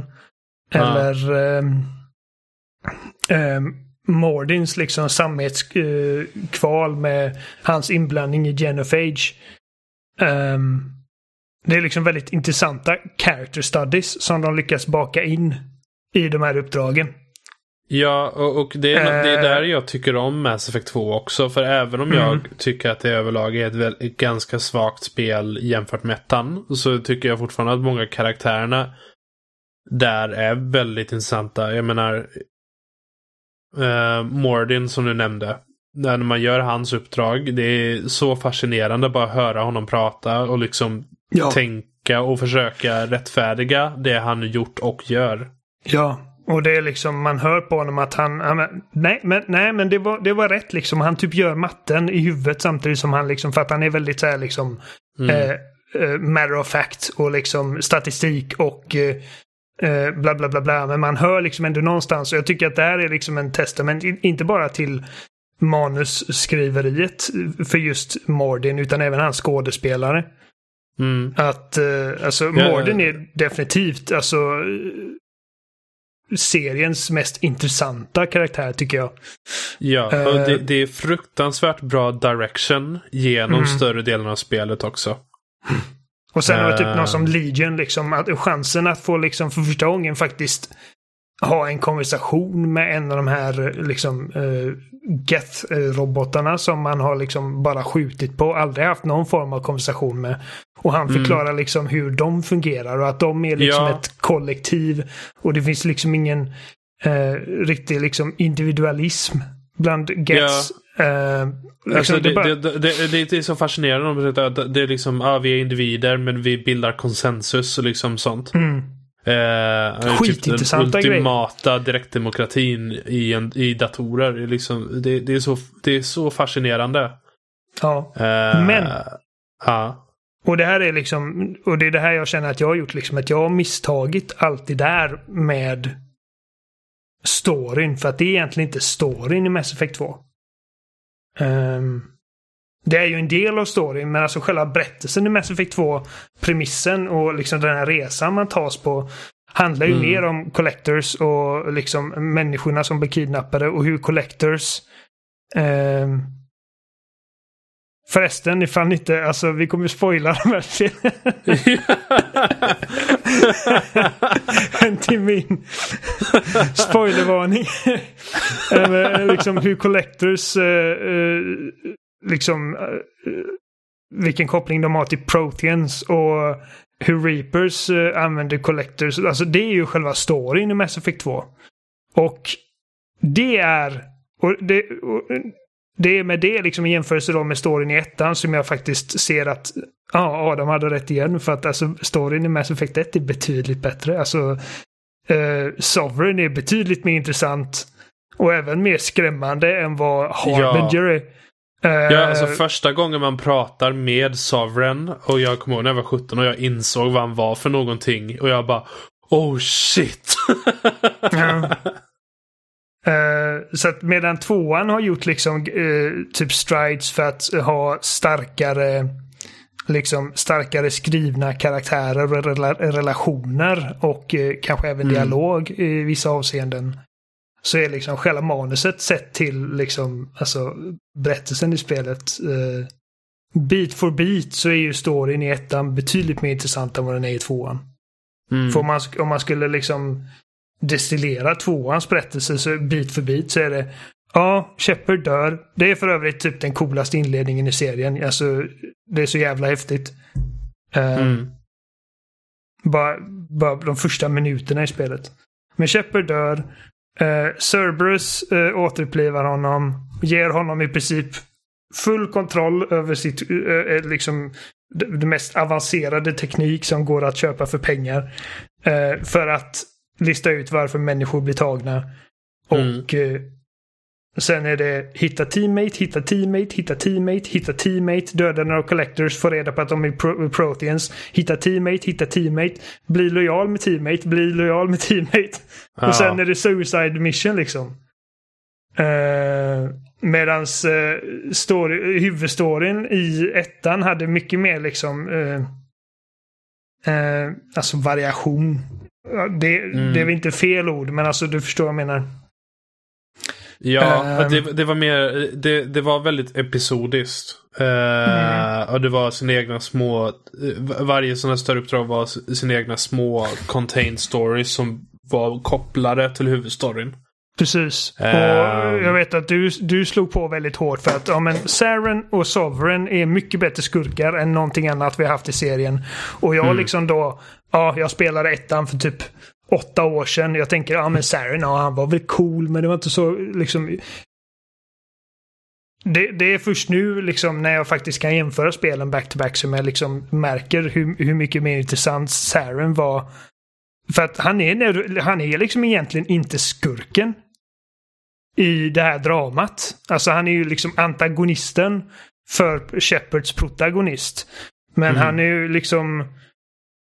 Det insinueras ju ganska kraftigt att, att han är också lite av ett offer för att han är ju i princip hjärntvättad av den här liksom uråldriga maskinen som han har råkat få komma i kontakt med.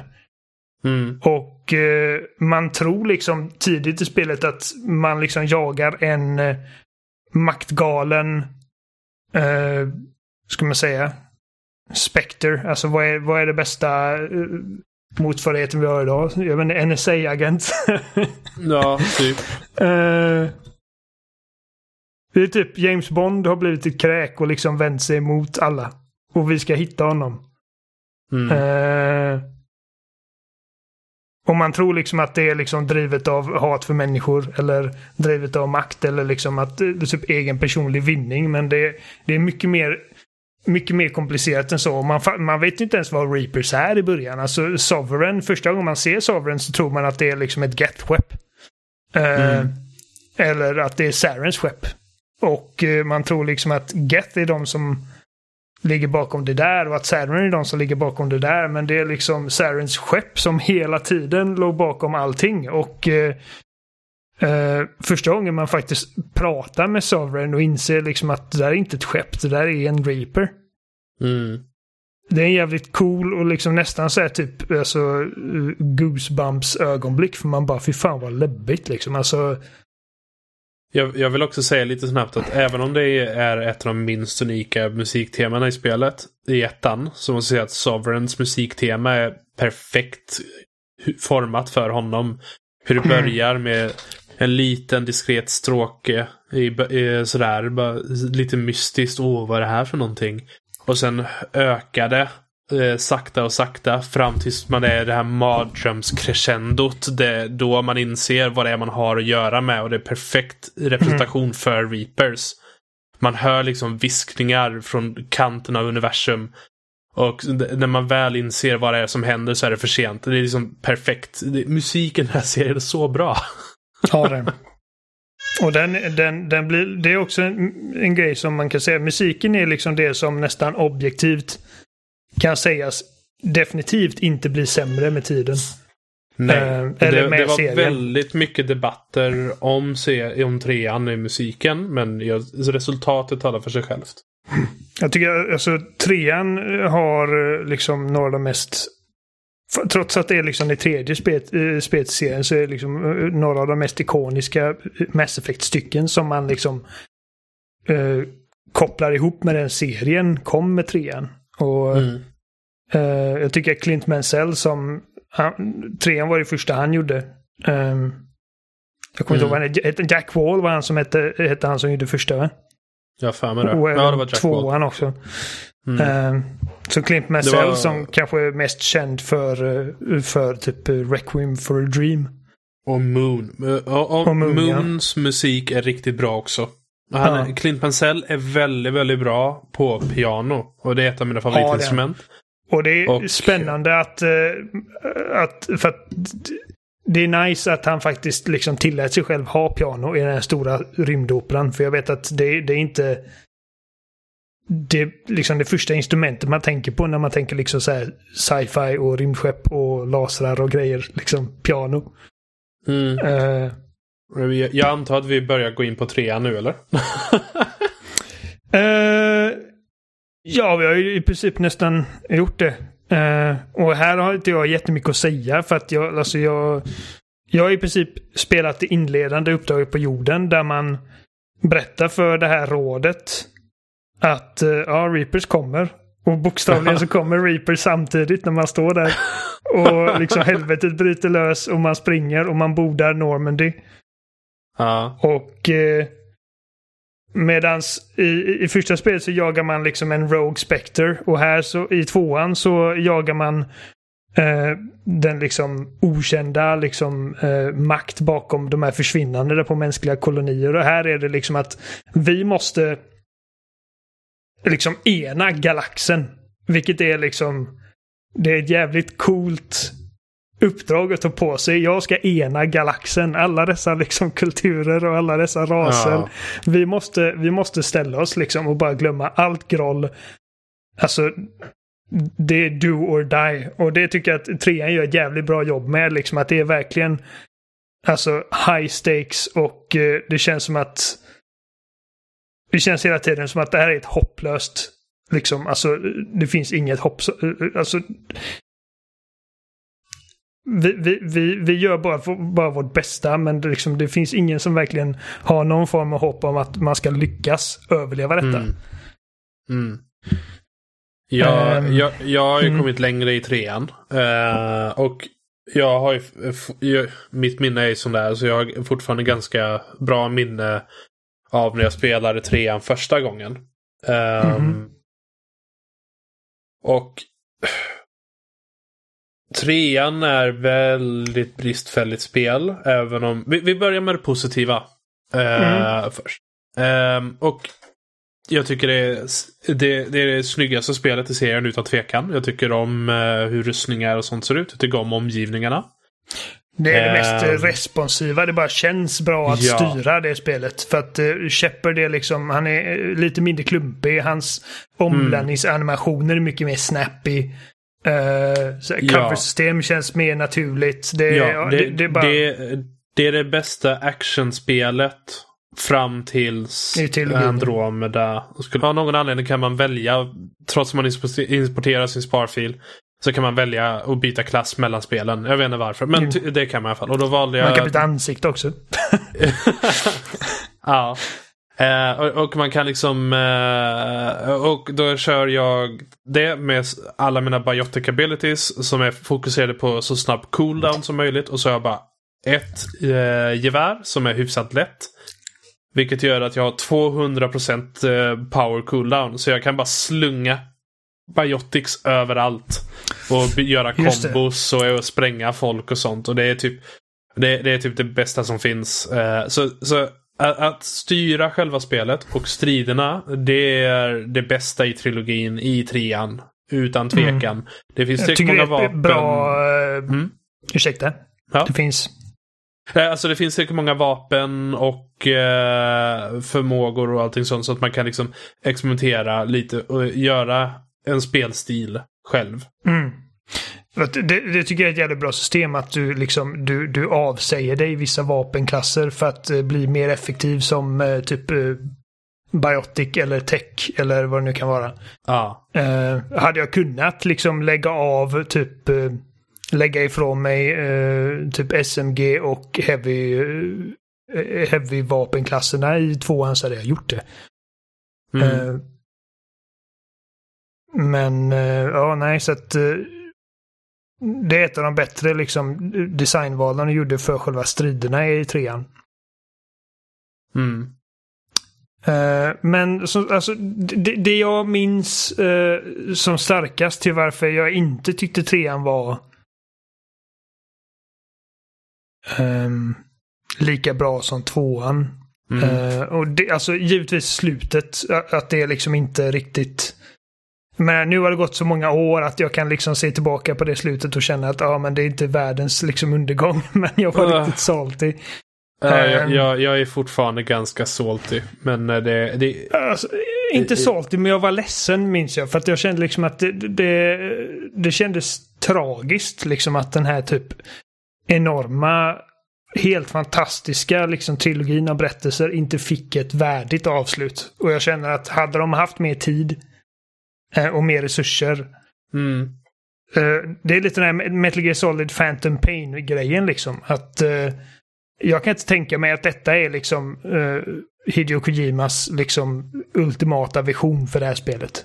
Precis som jag inte kan tänka mig att slutet i Mass Effect 3 är teamets ultimata vision för hur den serien skulle sluta. Och Nej. sånt gör mig ledsen. För att alltså, jag tar hellre liksom en... Eh, alltså ett slut eller någonting som, som jag hatar men som ändå känns som att, ja men det här, okej. jag, är inte, jag är inte med på noterna här men det är ändå liksom, det här är vad de valde att göra. Liksom att det är liksom en kreativ risk som de tog. Ja, värt Eh, att vad nämna jag är att Mass Effect 3 också bytte eh, lead writer. För det är Mm. inte längre Drew Carpushin som är lead writer för, eh, eh, för trean. Jag kommer inte ihåg Var det vem Casey det var Hudson som då, tog eller? över. Eh, jag, jag, Casey, jag kommer inte ihåg, eh, Casey Hudson var fortfarande project lead, men jag tror inte han var lead writer. De tog någon Nej, okej. annan. Ja, men jag tror att Eh, oavsett vem det var så tror jag liksom inte att, alltså detta var ju inte, jag kan inte tänka mig att det här gröna, röda eller blåa slutet som det i slutändan blev, att det skulle vara liksom den, st den stora ambitionen bakom Nej, slutet. eh, det, det var ett... eh, det, det, det prat, de intervjuade Drew Carpushin för några år sedan. Uh, Det pratades just om Mass Effect och eh, vad han hade för vision i slutet. Och jag, jag kommer inte ihåg. eh, du, du kommer ihåg i tvåan Eh, alla hints det var det vissa pratade om eh, mörk materia och sånt.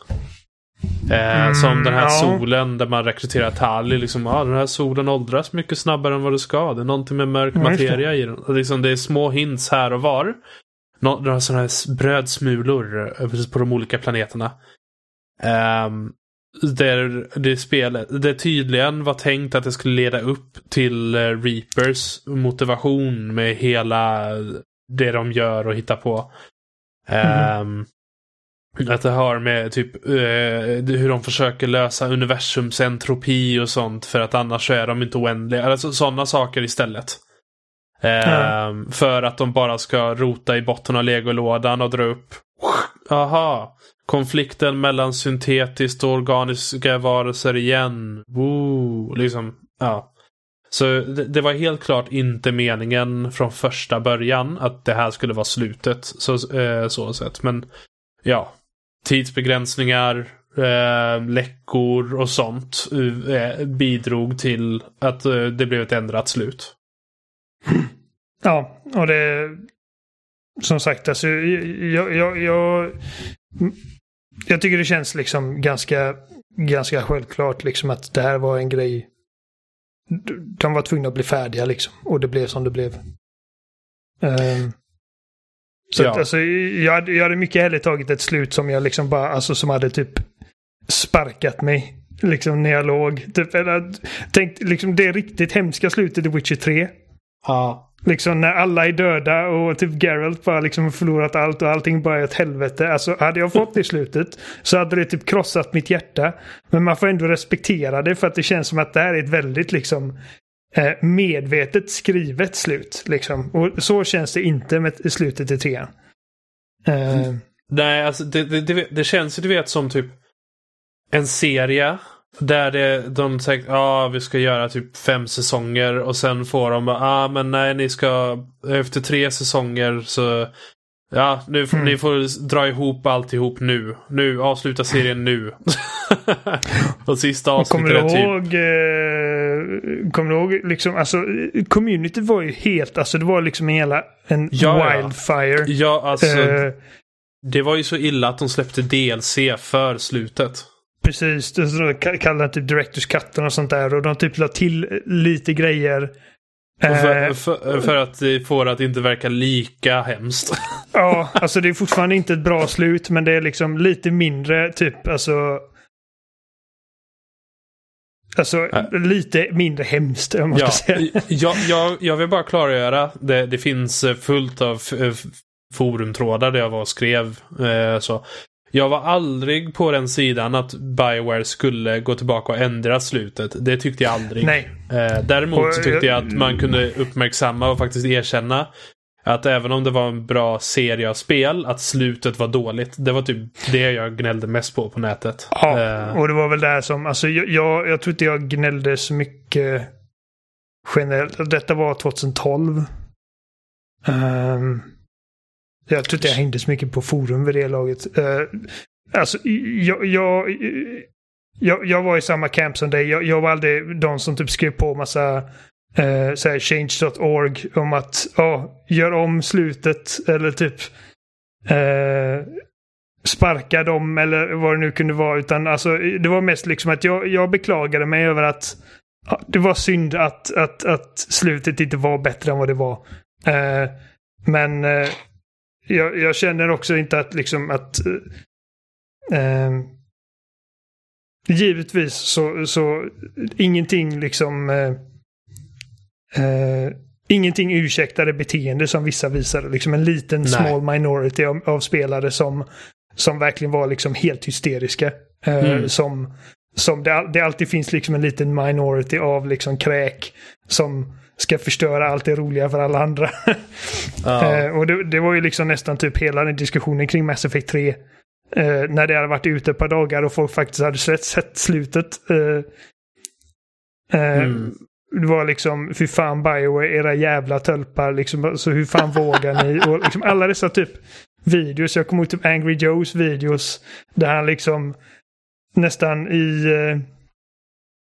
Uh, in denial liksom var typ, alltså, det, typ top 10 reasons why this is a troll typ. Av att de, Nej, de, nej, nej, eh, alltså det, det, det, var en stor, och det är delvis på grund av Bioware. De, eh, de grävde sin egna grav där. När, när de i princip uppmuntrade till indoktrineringstrilogin. Teorin. Indoktrineringsteorin, ja just det. Ja, när, när de sa liksom bara ah, Eh, Hela slutet är en illusion för att Shepard är indoktrinerad. Egentligen är det röda slutet det blå slutet.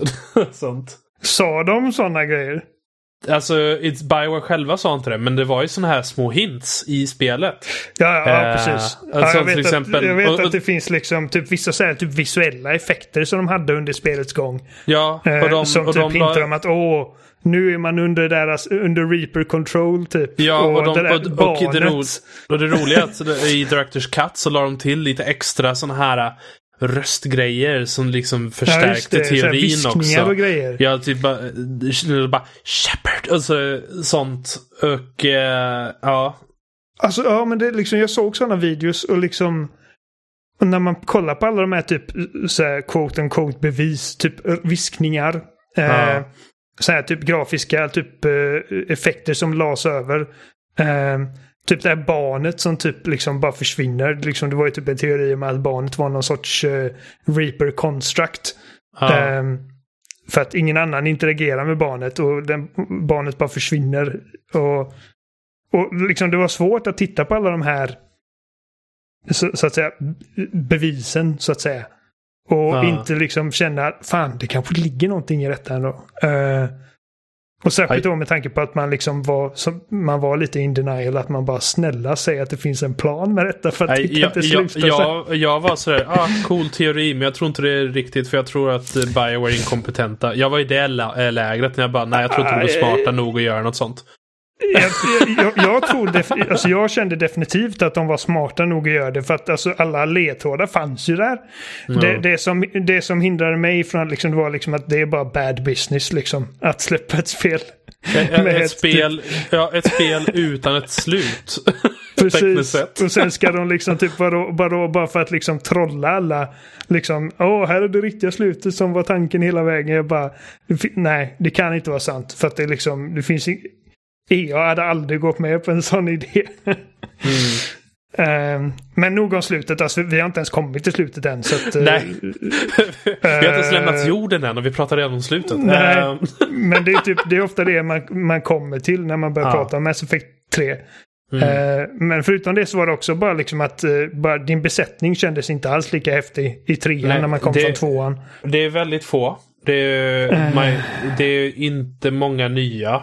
Eh, Lite mer än vad det är i ettan har för mig i alla fall. Att det, är. Det är sex Ehm, stycken i ettan.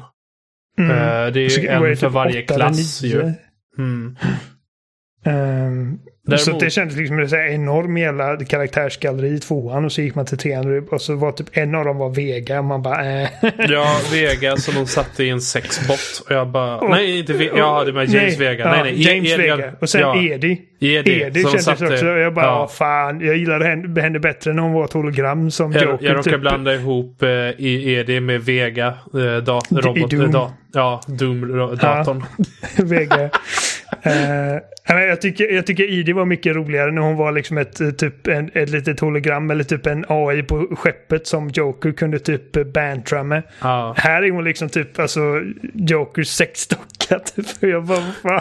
Ja, och Joker bara uh, Shepard, känns det okej okay om jag börjar dejta? Och jag bara, vem fucking bryr sig? Ja, du, du får göra vad du vill ifall hon är okej med det. Jag bara, du liksom- skrubbar av henne efteråt så bryr jag mig inte. Äh, fy fan. Eh, jag hoppas hon är mjuk.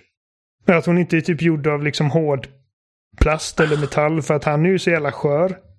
Ja, alltså jag, jag, jag försöker intensivt med att inte tänka på hur saker fungerar. All min energi läggs till att tänka på det gröna slutet istället. Nej, men... eh, Jag tycker det är intressant att eh, alltså, vi är liksom sofistikerade Mass Effect-fans. Vi har pratat om Mass Effect i en timme och 40 minuter och det är först nu vi börjar prata om Alien 6 och grejer. Ja, jag, Ehm. okej, jag kan också säga direkt. Eh, Bioware Fuck you för att ni har förstört eh, relationer i spel och att varenda gång någon, ni gör ett nytt spel så är det alltid någon speljournalist någonstans som bara Kan man ha sex med den där utomjordingen? ni, ja, vet. Spel är förstörda tack vare Bioware. Ja, alltså det är lite så här. Och sen är det också liksom att folk är helt dementer också. Alltså, mm. Folk är kåta på allt. Vem och, bad om att kunna ligga med Garrus? Eller hur? Och det är tydligen ja. ett populärt romans. Och, och, och jag i och för sig... Alltså, jag älskar ju Garrus som karaktär och det kanske är liksom typ Det, det är skillnad på att älska säga... Garrus och älska med Garrus. Nej, jag vet, men alltså det kanske är ytligt av mig att säga liksom att äh, men man kan inte bli kär i någon för att han är typ eh, liksom gjord av sten eller vad det är. Alltså insidan är väl det som egentligen ska räknas. Men, oh. Eh, men jag, alltså jag, bara, jag, jag, jag har aldrig kunnat romansa Alltså Leara är liksom på gränsen. Hon är liksom humanoid nog. Ja, uh, man, man, kan liksom alltså, sätta en peruk på henne så är hon bara ja, en blå människa. Om jag blundar liksom och inte tittar på de här typ tentaklerna så är, liksom, då är det okej. Okay. Uh, eh, och detta är liksom strikt liksom sett till romancing och liksom sexuell content. För att alltså jag... Det är inte så att jag liksom tittar på alla aliens och spelar på åh fy fan vad äckligt. Men det är bara tanken på att typ ha någon form av sexuell relation med typ en Krogan. Eller, alltså jag bara... Nej. Uh, jag är så här tråkig Vanilla Svensson för att var, eh, varje liksom romance jag har haft liksom genom alla mina genomspelningar är antingen människa eller liksom som sagt i, i värsta fall Liara. mm. Hade uh, Bioware gjort E.T. hade E.T. gjort någonting helt annat med sitt finger om vi säger så. uh,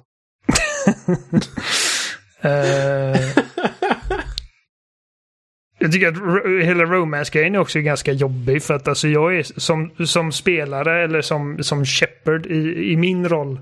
Eller mm. i rollen som min Shepard så är jag den som, alltså jag bryr mig väldigt mycket om min crew.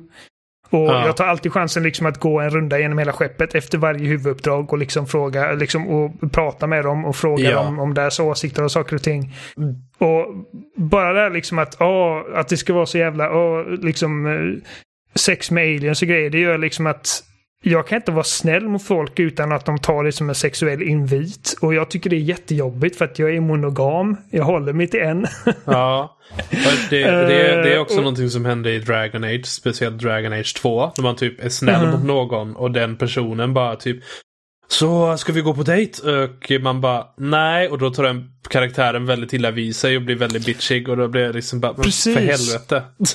Liksom, så att jag måste liksom rata alla de här människorna. Typ som, alltså Tally är en av mina favoritkaraktärer. Liksom, alltså, jag älskar Tally och liksom som Alltså jag känner liksom att min Shepard så är typ alltså Tally är en av hans bästa vänner. Mm. Uh, men men man, kan, man kan liksom inte riktigt ha den relationen till Tally helt enkelt för att uh, i alla fall om man är en male uh, Shepard som jag är. Mm man kan liksom inte bli liksom intim med eh, Tally utan att det vid något tillfälle blir liksom att hon blir kär i honom och sen måste jag liksom rata henne. Ja. Eh, och då, och sen efter det, när jag har sagt liksom att ah, jag är inte intresserad. Inte nog med att man liksom inte kan säga typ att ofta är liksom att man är bara ah, nej, jag är inte intresserad. Eh, man kan inte ens liksom göra det snällt många gånger. Nej. Och då blir det liksom att efter det, när man har ratat henne en gång, sen, sen så är det ingen ny dialog från henne resten av spelet. Vilket jag tycker är jättetråkigt. Mm. Eh, samma med Jack, liksom att Jack är ju typ den här liksom fucked up liksom karaktär. Typ massor av trauma. Och jag känner liksom att jag vill hjälpa henne. Jag vill liksom visa henne att det finns faktiskt människor som bryr sig. Det finns människor som, som kan hjälpa utan liksom ulterior motives. Och jag vill liksom visa henne att livet är inte slut. Du behöver inte vara ensam. Mm. Och det blir också liksom att, ah, ska vi knulla? Och jag bara, nej. Nej okej, okay. då blir hon sur och så vill hon inte prata med mig mer. Och jag tycker att det är ett sånt jävla stort problem i hur de här mm. liksom, systemen fungerar med relationer. Ja, och, och, det är ett stort problem med hur Mass Effect-serien strukturerat sina dialoger med att det i princip är bara binärt positivt negativt. Precis. Hade det varit någonting med flera olika V- saker man kan säga som eh, kan ha olika tolkningar och värden. Eh, så man till exempel kan vara snäll men inte flörtig. Eh, eller flörtig Precis. plus snäll. Liksom så. Och det är Det någonting som också, det är också någonting som, ehm, det, som Andromeda kunde göra ganska bra. Just det att man kunde direkt se, okej, detta är att, eh, en, en flörtgrej. Jag Mm. trycker inte på den. Det, det var lite lättare att inte råka krossa sina kompisars hjärtan i det spelet. Precis, att man liksom, för att så är det ju i verkligheten liksom att det är inte så att alla människor du pratar med plötsligt kommer till en punkt att ja, nu är jag kär i den här människan. Och Om det ändå vore så enkelt. Ja, men liksom alltså något, alltså och det här är givetvis det är tv-spel och det är till och med liksom ganska gamla tv-spel förhållandevis för det här laget. Det känns sjukt att Mass Effect-serien är gammal nu. Ehm, Mm. men alltså så att det är ju så jävla komplext att göra de här systemen. Men samtidigt så är det liksom, man, man, jag kan inte låta bli att önska att, att det fanns sätt liksom att eh, skicka signaler till de här karaktärerna. Liksom att jag är inte intresserad av en romantisk relation. Ja. Eh, för att eh, jag vill vara bästa vän med alla i min bes besättning. Liksom.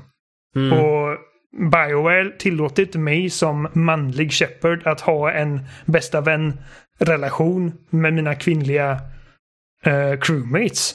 Mm. Vilket är jättesynd. Um, Ja, som, så- som tur är har jag Garrus och Jacob. För att Jacob liksom, han, eh, honom typ fistbumpar man och liksom bara åh jag ska ta en öl. Liksom, det är ju den relationen jag vill ha med de andra också. Mm. Um, jävligt frustrerande också att i den här trilogin så den här typ uh, Paramore-grejen är tydligen buggad för att eh, spelet känner inte igen att man har uh, ska man säga haft en romans med Liara. Nej, jag hade samma sak att jag inte fått den achievementen.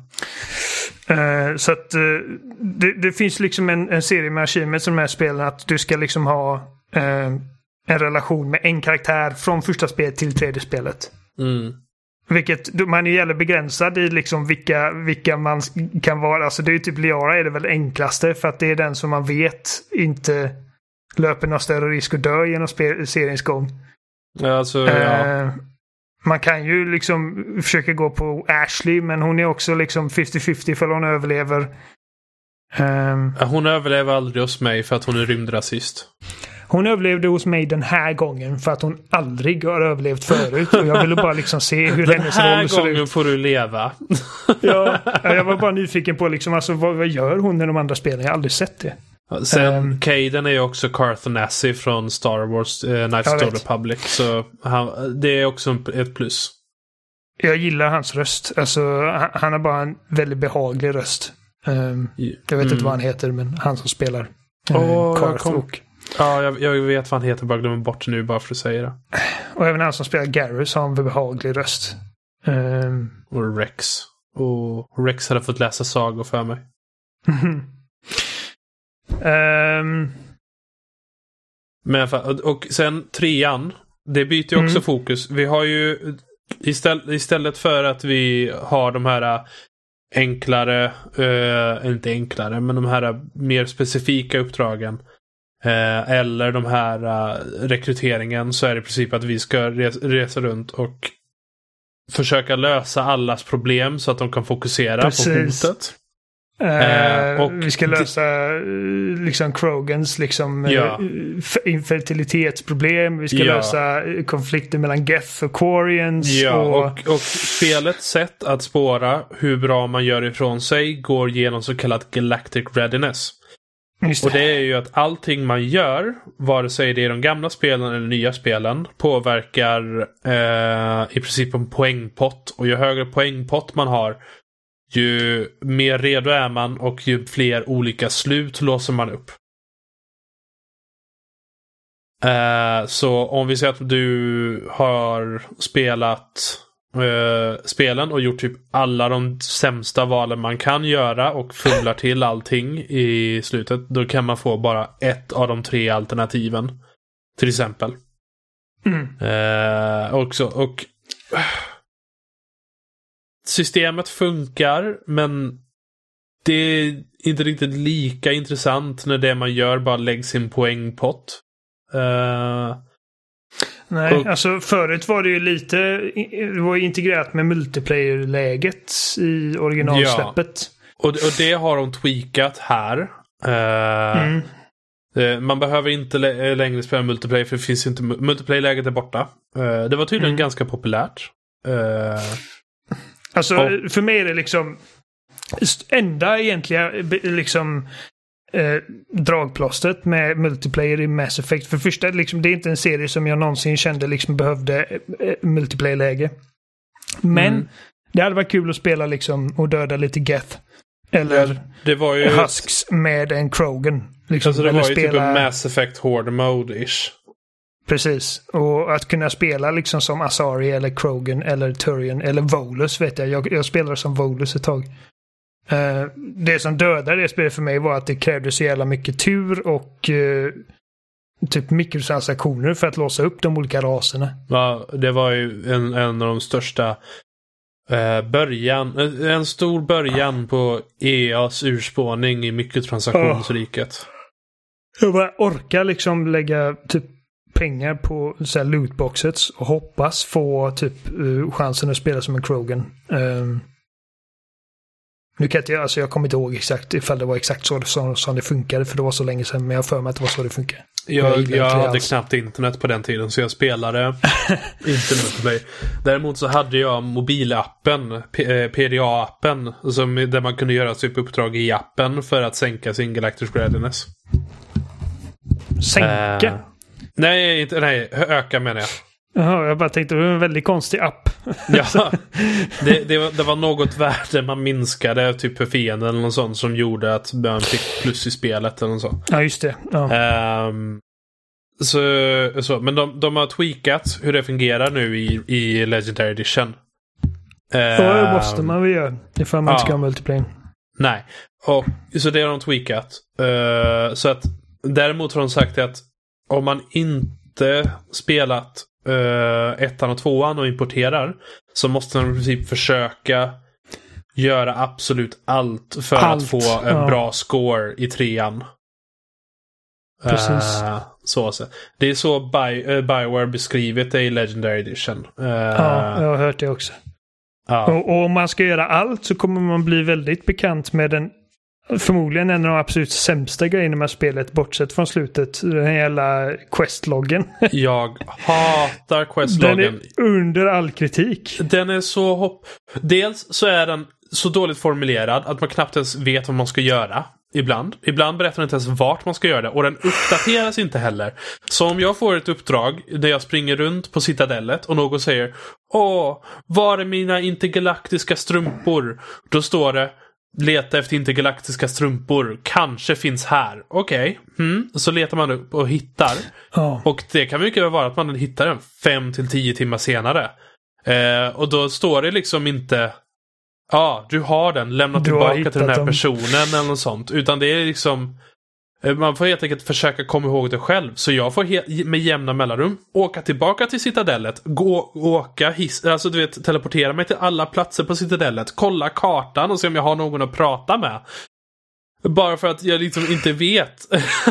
ja, för att du har inget inventory där du kan kolla. Har jag, har jag liksom intergalaktiska Nej. strumpor? På mig. och, och, och, och, det gör mig så extra arg för att de har liksom gått och en, liksom, ja, vi har använt AI för att uppdatera varenda textur i Mass Effect 1 och åh, vi har eh, eh, lagt så mycket tid på det här. Och så säger de, ah, trean behövde vi inte lägga så mycket tid på, det var ju redan så bra. Och jag, sitter här med den här questloggen och jag bara, ni hade i alla fall ja. kunnat låta en deltidsarbetare sitta och skriva om den lite så den är lite tydligare. Ja. Alltså jag förstår vad de menar med att liksom, bara rent på, på, på, ett grundläggande plan så finns det ju mer att, gö att göra med ettan än trean. För att, att trean liksom känns bra att spela, men alltså questloggen är definitivt en sån grej som, som någon borde ha kollat på för att den är verkligen hysteriskt dålig. Ja, uh, alltså...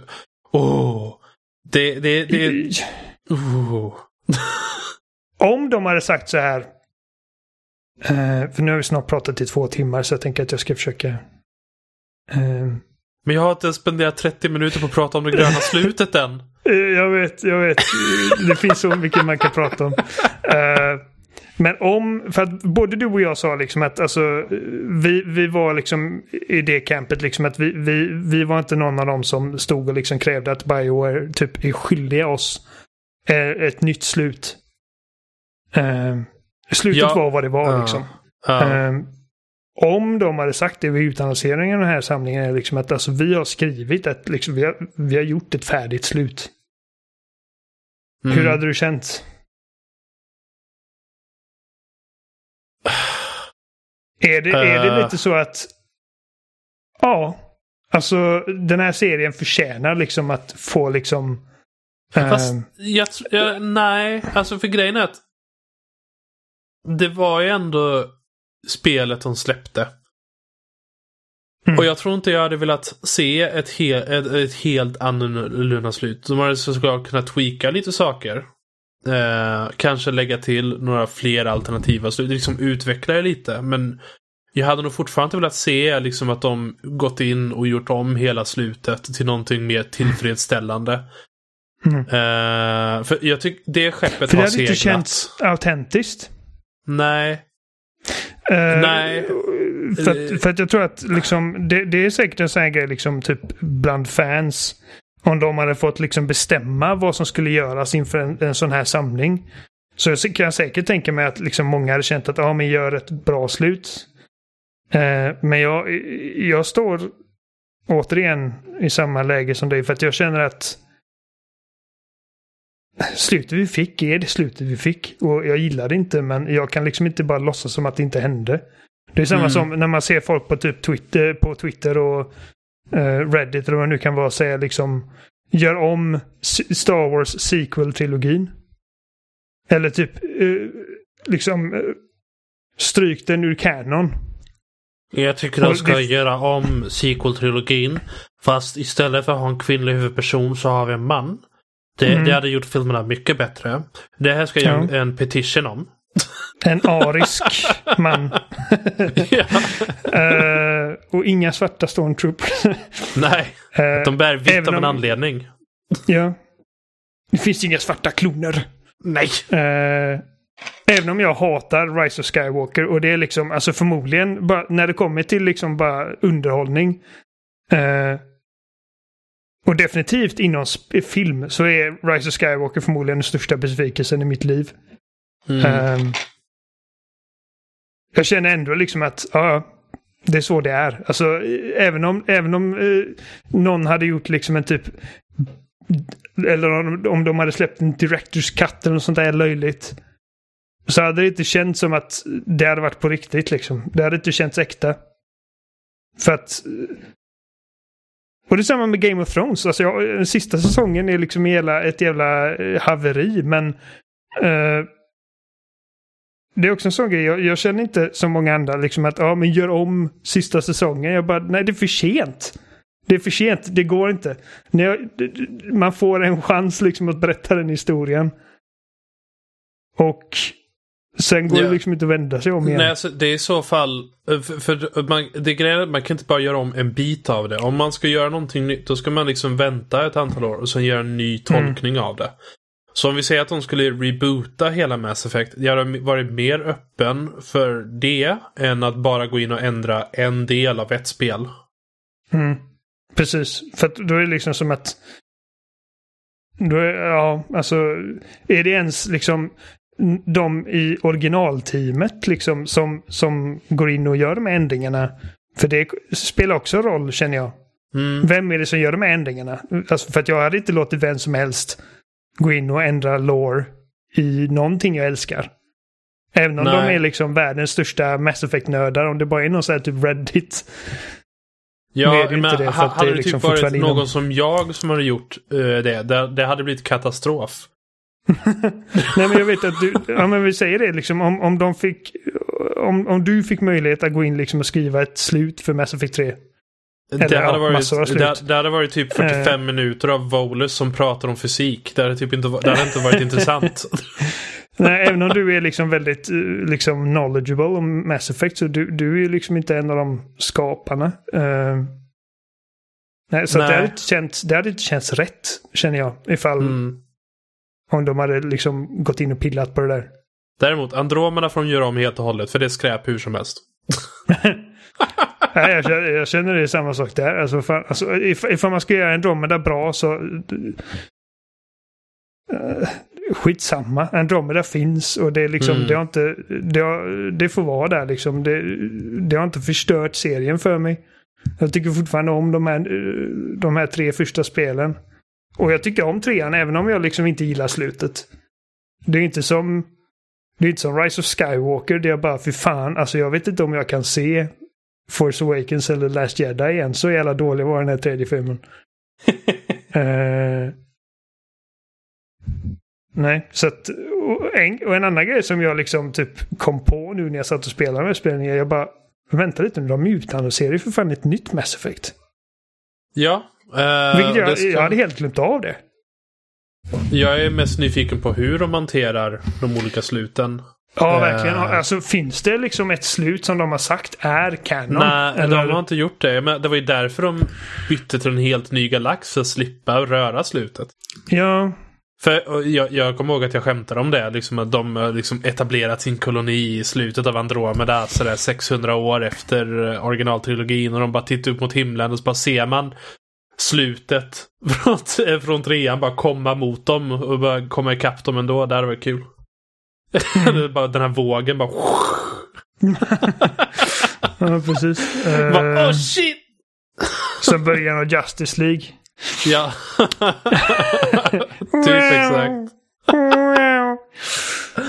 Ehm, ja, nej, alltså det, det är inte det är inte en lätt nöt att knäcka om man säger så. Ja, och, se, Ehm, och sen det är liksom, det är mer saker i Mass Effect 3. Det, det, det är inte bara slutet som är problemet i det, utan det är liksom hur de har förenklat all dialog. Det är nu bara två, så de har tagit bort alla neutrala svar i princip.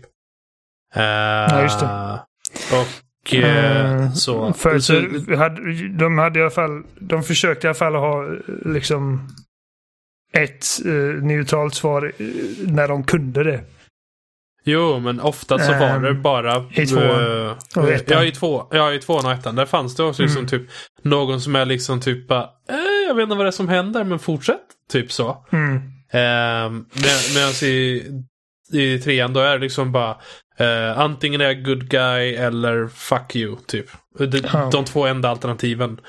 Eh, och, Jag kommer inte ihåg, eh, alltså gjorde de någonting i trean för att liksom göra det till lite mer av ett rollspel än vad tvåan är? Eller är det typ samma? Det enda är typ hur man kan uh, späcka sin karaktär. Det- Det är typ det enda. Ja, att nu kan man liksom... ehm, Ja, så eh, det, Ja. det är typ det enda de gjorde för att det är inte mer dialogval, det är inte mer... Och de, de har ju tekniskt sett minimerat antalet ehm, konsekvenser också. För visst, allt man gör bubblar ju ner i den här listan av olika saker. Men det, det resulterar ju fortfarande bara i en slutpott av poäng som avgör vilket av tre olika slut man får välja. mm. Så det, det, det, det är det spelet i serien som är ännu minst rollspel. Och när det gäller val och konsekvenser också. Vilket slut är det man får ifall man är som sämst förberedd? Det? Rött. Det röda slutet. Kanske Eh, är det som är canon då? Det The hade varit lowest common denominator. Ehm, ja. Och det, det, skulle, det skulle faktiskt vara intressant. För det betyder att... Jag vet inte hur mycket på det, detaljer jag ska gå in på. Men ja. Det hade varit intressant. Eh, för det är också det slutet där man ser eh, ett, ett andetag. eh, bara, I slutet. Det. Vi, vet- vi vet inte mycket om storyn i... Vi, vi kan vi kalla det Mass Effect 4 antar jag. Det enda de har sa- visat det är Liara och snö. Mm. Men Leora är med i alla fall, vilket ändå gör att det, man, man, eh, man i alla fall liksom etablerat att det åtminstone är lite kopplat i originaltrilogin. Ja. Eh, Men jag tror att de har sagt i intervjuer också att de, de, de, de behandlar detta som en uppföljare till både Andromeda och trean. Att, att, eh, att de inte liksom helt ignorerar Andromeda. Eh, ja, och det är hur man gör det med tanke på att det är en helt annan galax. Eh, Ja, eh, ja, jag vet inte. men... Kommer man kunna resa mellan galaxer i Mass Effect 4? Det hade varit något. Ja, Eh. dubbelt så mycket bullshit. Nej men, mm, alltså tekniskt sett så kan de ju göra någonting sånt nu då de tar trean, eh, treans slut i beaktning med tanke på att de har släppt trilogin nu. Till Next Precis, Gen. och det Eh, är så- det jag liksom tänker att det kanske är lite därför de, de uh, bemödar sig med att släppa den här trilogin för att liksom ge, ge alla en chans att få in sina sparfiler liksom Mm, eh, i nästa. mm. Ehm, förutom då att, ja, det är bara en väldigt bra investering för att det här spelet eh, har ju säkert sålt gangbusters. Ehm, jag vet alltså vänner och, och fans har ju liksom typ skrikit efter en form av remaster av den här trilogin hur länge som helst nu. Jo, däremot eh, vill jag ha en uh, remaster-trilogi till Nintendo Switch. För jag säger att jag tycker att allting ska portas till Switch. Ja, precis. kan du tänka dig att nästa år är tio år sedan Mass Effect 3 släpptes? Ja. Eh, det är nästan som att man ska logga in på forum och gnälla om det för, för att fira det. Mm. Mm. Åh nej. Jag känner mig Eh, så jäkla gammal nu. Jag med. Jag med. Eh, eh, men jag satt och tänkte på det liksom när vi började spela första spelet att alltså, det kom 2007. Jag var 17 år när det Ja, kom. Eh, vilket alltså det känns... Det känns inte som att det är så jävla länge sedan. mm. Eh, men sen tänker jag också på... Ja, det här med tiden är intressant för att det är, liksom, det är så konstigt bero- beroende på hur man, hur man tänker på det. För att jag tänker, det känns inte som att det var så jävla länge sedan jag spelade Mass Effect 1 första gången. Eh, men sen tänker man på att jag kände, alltså jag var inte tillsammans med min fru då. Och henne har jag varit tillsammans i, med, varit tillsammans i, eh, ja. i eh, 13 år i år. ja. Ehm, man har blivit pappa sedan dess. Man har eh, liksom flyttat tre gånger sedan dess. Man har eh, liksom det är två konsolgenerationer som har gått. Ehm, det är så mycket i ens liv som har hänt och det, det är nästan liksom, och, och det här är det sjukaste eh, för mig att tänka på. Det känns inte som att det var så jävla länge sedan man var 17. Eller som man spelade Mass Effect 1. Men det är så pass länge sedan att det är liksom nästan så att det är halva min livstid som har gått sedan dess. Mm. Det känns sjukt att tänka på. Halva min livstid. Jag kom på vad. Mass Effect 4 kan handla om. De åker bakåt i tiden för att ändra slutet till trean. Ja. Ja. När vi pratar om tid. Ja, precis. Nej, men alltså, alltså, Mass Ja. Effect 1 är äldre nu än vad Ocarina of Time var när Mass Effect kom. ja. Det, tiden Det känns går sjukt på att tänka på. fort. Om man ändå vore en Asari. Tänk hur många spel Asari hinner spela. Ja, verkligen. Jag, eh, Ja. Liara kan Vilken säkert spela ras ut hade alla. du velat vara? Om du var tvungen att leva universum, liksom Mass Effect-universumet och eh, liksom vilken, vilken ras hade du hade du velat vara? En Turian, en Krogan, en Asari? Jag vet att du inte hade velat vara en... ehm, Alltså jag har ju, jag har ju kroppsformen av en Volus. det har du inte alls, du är aslång. Jag, vet, Volus jag, är jag, så jag, halv meter jag- långa. jag är tjock. Nej. Kanske... Greetings Earth Clan. Ja. En, en liten, liten kort Darth Vader. Ehm, men kanske en Krogan i så fall. Kanske en Krogan. Typ, eh, ja. Mm. Gå runt och skalla folk. Leva i flera hundra år. Ja. Och typ långsamt ser sin ras dö ut. Ja, nu antog jag att vi skulle va vara i vår värld. I vår värld? Nej, jag tänkte Ja. i, eh, i, i Mass Effect liksom. Alltså om du var tvungen att leva under eh, liksom...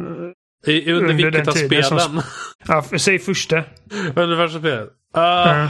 Ja, då är det svårare. Då är det väl en Det är Asari. svårare. Det, det är väl en Asari. Man lever länge, man har bröst. Det är typ... Det är bonus. De verkar inte ha lika mycket problem som typ andra raser har. Ja, Eh, typ, möjliga Ardat Yakshis och sånt. ja, det finns tre stycken. Ja, sen finns Som det mer än tre till. stycken. ja, jo. Ja, jag tror att ja, Asari känns som att de har det bäst. Va? Eh, Ja, De, de, de har också det största liksom typ urvalet av eh, romantiska partners. ja, ja, de kan vara vad som helst. Vem som helst. Ja, vilket är roligt för att det är liksom... Man bara, ja, min pappa var en uh, Elcor och min mamma var en Asari. Jag bara, hur fan gick det till? Ja, Uh. Nej, fan vilket fantastiskt universum det här är. Mm. Och det har gjort att eh, eh, jag har blivit lite sugen på att kolla in andra liksom typ sci-fi universum. Jag vet att du har tjatat på att jag ska se eh, Expanse i rätt länge. Ja alltså. Eh, Du, har- du har varit lite korkad där och ignorerat mig. jag såg ett avsnitt för ty- alltså när den var ny, när det bara fanns en säsong och jag tyckte att eh, även om jag gillar Thomas Jane så jag vet inte, den, den fastnade inte riktigt för, eh, med mig. Um, men sen dess, alltså jag, vi hade ju liksom en, vi hade ju PDX-con nu i helgen. Ja. Och vi hade en, eh, en Q&A med eh, tre av utvecklarna bakom Surviving the, After, eh, Surviving the Aftermath som jag arbetar med. Eh, Ja. Nej, su- ja, Surviving Mars, precis. Och eh, en av frågorna vi fick var liksom vad, vilken är er, typ, er favorit-tv-show? Ehm, och eh, två av dem sa typ, eh, just nu tycker jag väldigt mycket om Expanse. Eh, och jag sa att ah, jag har aldrig sett den och jag blev lite shamed.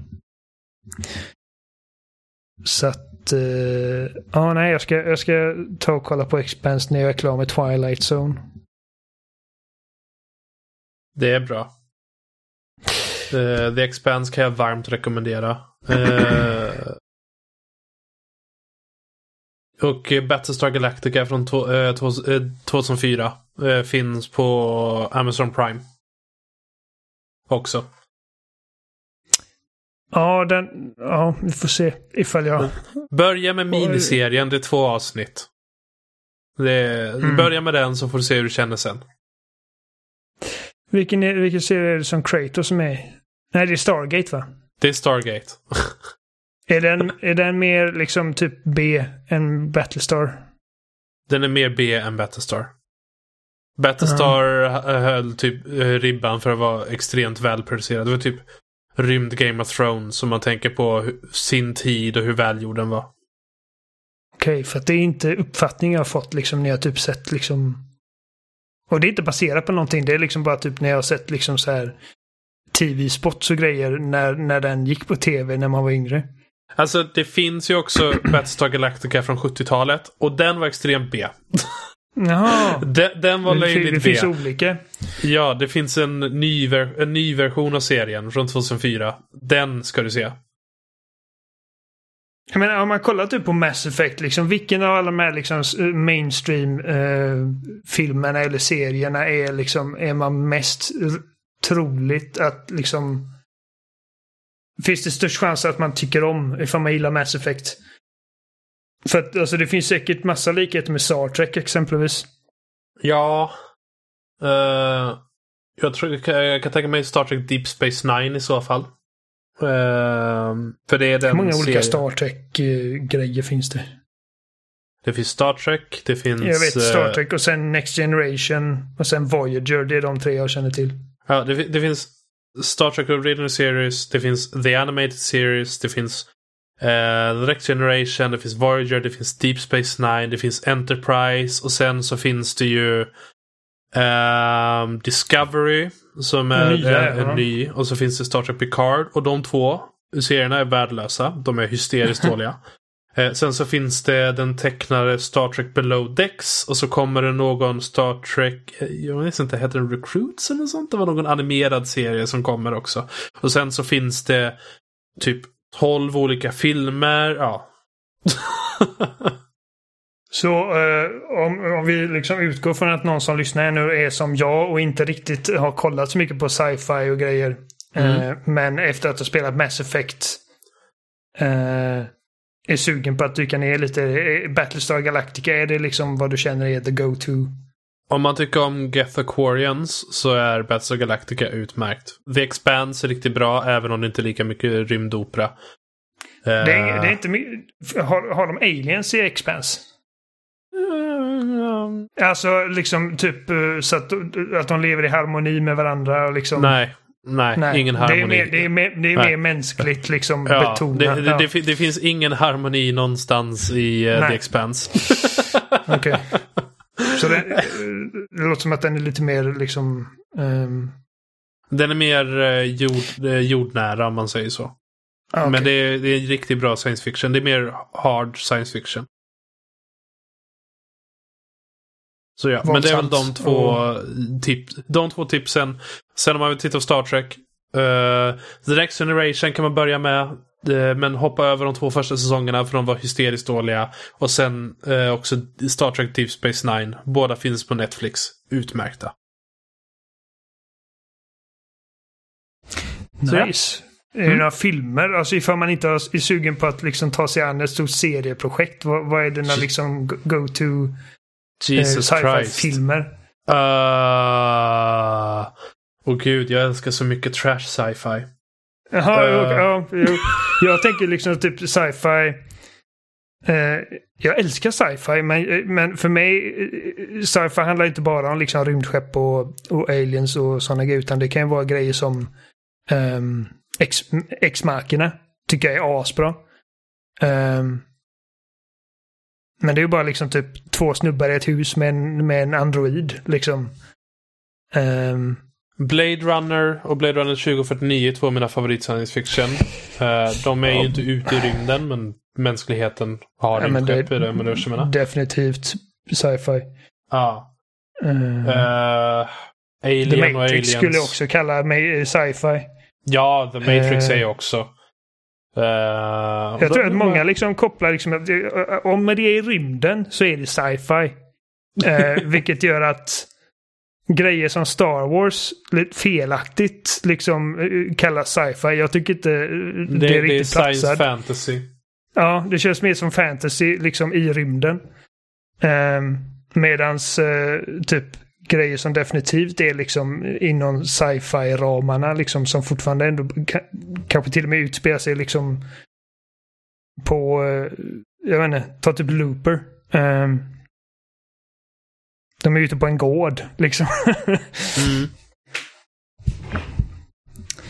Sci-fi är väldigt bra, liksom en spännande genre för att man liksom, det är i slutändan så är det liksom ett eh, eller det är en genre som tillåter liksom historieberättaren. Alltså, liksom att, science fiction, äh, det är typ, det kan vara typ, uh, det kan vara typ spännande draman, djup romantik, uh, pumpande action och allting. Allt är plus rymdskepp.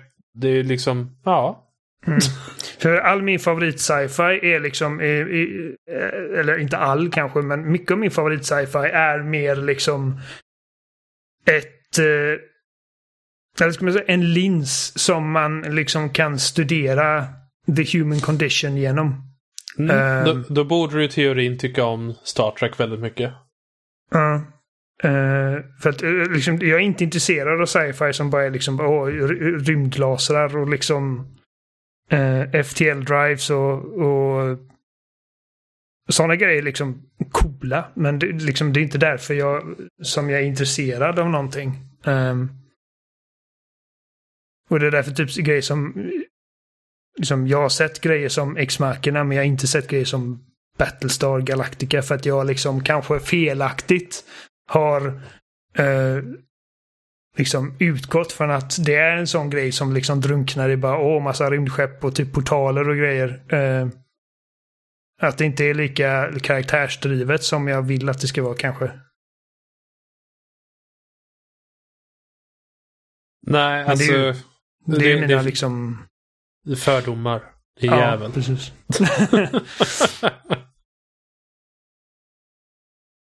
Ja, nej men... Eh, det blir väl en bra punkt att eh, avrunda på känner jag. ja, du, du vill inte prata en timme till om det gröna slutet alltså? Alltså du, du och jag kan göra det men jag, jag känner att jag, jag börjar få ont i ryggen. Jag behöver komma ifrån. du och jag kan prata liksom i soffan. Ja. Nej, men, men, det har varit jättekul och... Ja. Ja, och jag, jag kan säga också till eh, lyssnarna. Jag rekom- även om alla spelen inte är perfekta eller exakt som jag minns dem för. Jag så rekommenderar jag Mass Effect eh, Legendary Edition. Det är en väldigt bra Ja, samling gud ja. att hoppa gud, in på. Ja. Så och, och om det är någon som inte bryr sig om att de blivit spoilare för väldigt mycket. Om du inte spelat Mass Effect innan, kör det. Spela det. Det, Mm. det är från den tiden spel fortfarande kunde vara riktigt bra. Definitivt. Alltså, jag tycker det är spännande för att alltså, jag känner ju typ ingen som inte har spelat de här spelen hundra gånger om. Förutom Amanda.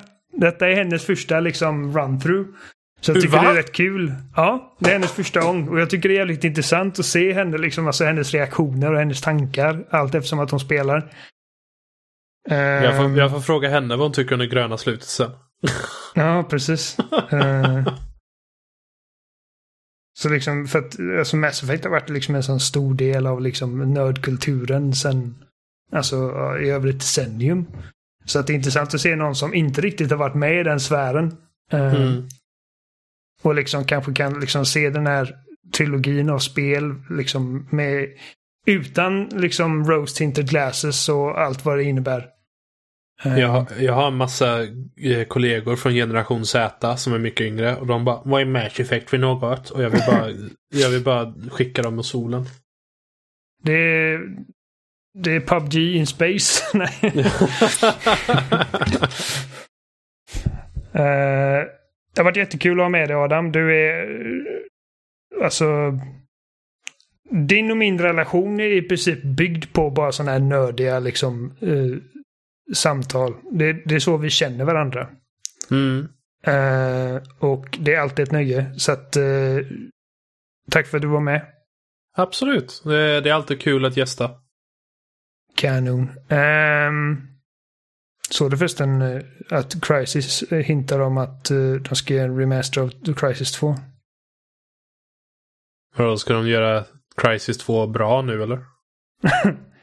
Nej men alltså jag, jag, jag bara tyckte det var så kul, eh, nu kommer vi in på en helt annan grej, men jag tyckte det var jävligt kul att liksom dra igenom ettan på eh, Series X när den patchen kom som Ah. gjorde att man kunde köra med det ordentliga liksom när nu ser ut funktionerna. Mm. Och jag bara fan jag är sugen på att liksom spela tvåan och trean igen nu bara för det för att jag är liksom on a roll. Eh, och för så de la upp liksom, eh, det enda de skrev var på Twitter var liksom bara They used to call me prophet och sen liksom här ögon-emojin. Ja. Det måste ju vara en hint på någonting eller? Det kan inte vara fan, det måste vara en hint. Ja, jo. Antagligen är det en hint, men... Enda, ja. jag, jag vill spela Crisis 2 på konsol med bra prestanda. Det är typ det enda. Ja, Jag vill spela ett bra Crisis 2. Eh, ni hittar oss som vanligt på eh, spelsnack. Eh, är det spelsnack.se eller spels... Det är aldrig jag som kör den här Du alliansen. frågar mig? Eh, spelsnack... .se.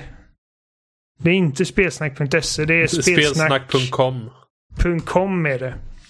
Där kan ni hitta oss. Eh, och ni kan hitta oss på Facebook och Twitter och eh, YouTube och liksom alla ställen. I alla fall vad jag känner till där man kan hitta poddar.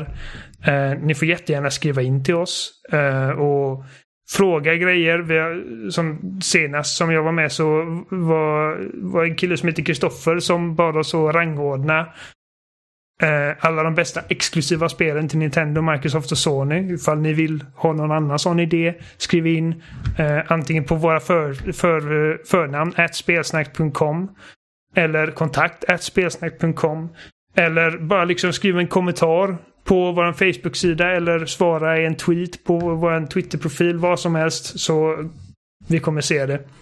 Uh, Adam. Ha? Var, liksom ifall man, ifall man lyssnar på ditt rabbel här och känner bara den här Adam, han har mycket vettigt att säga. Han, han vill jag uh, han vill jag följa. Liksom, vart, vart, vart följer man dig? Då är det Twitter.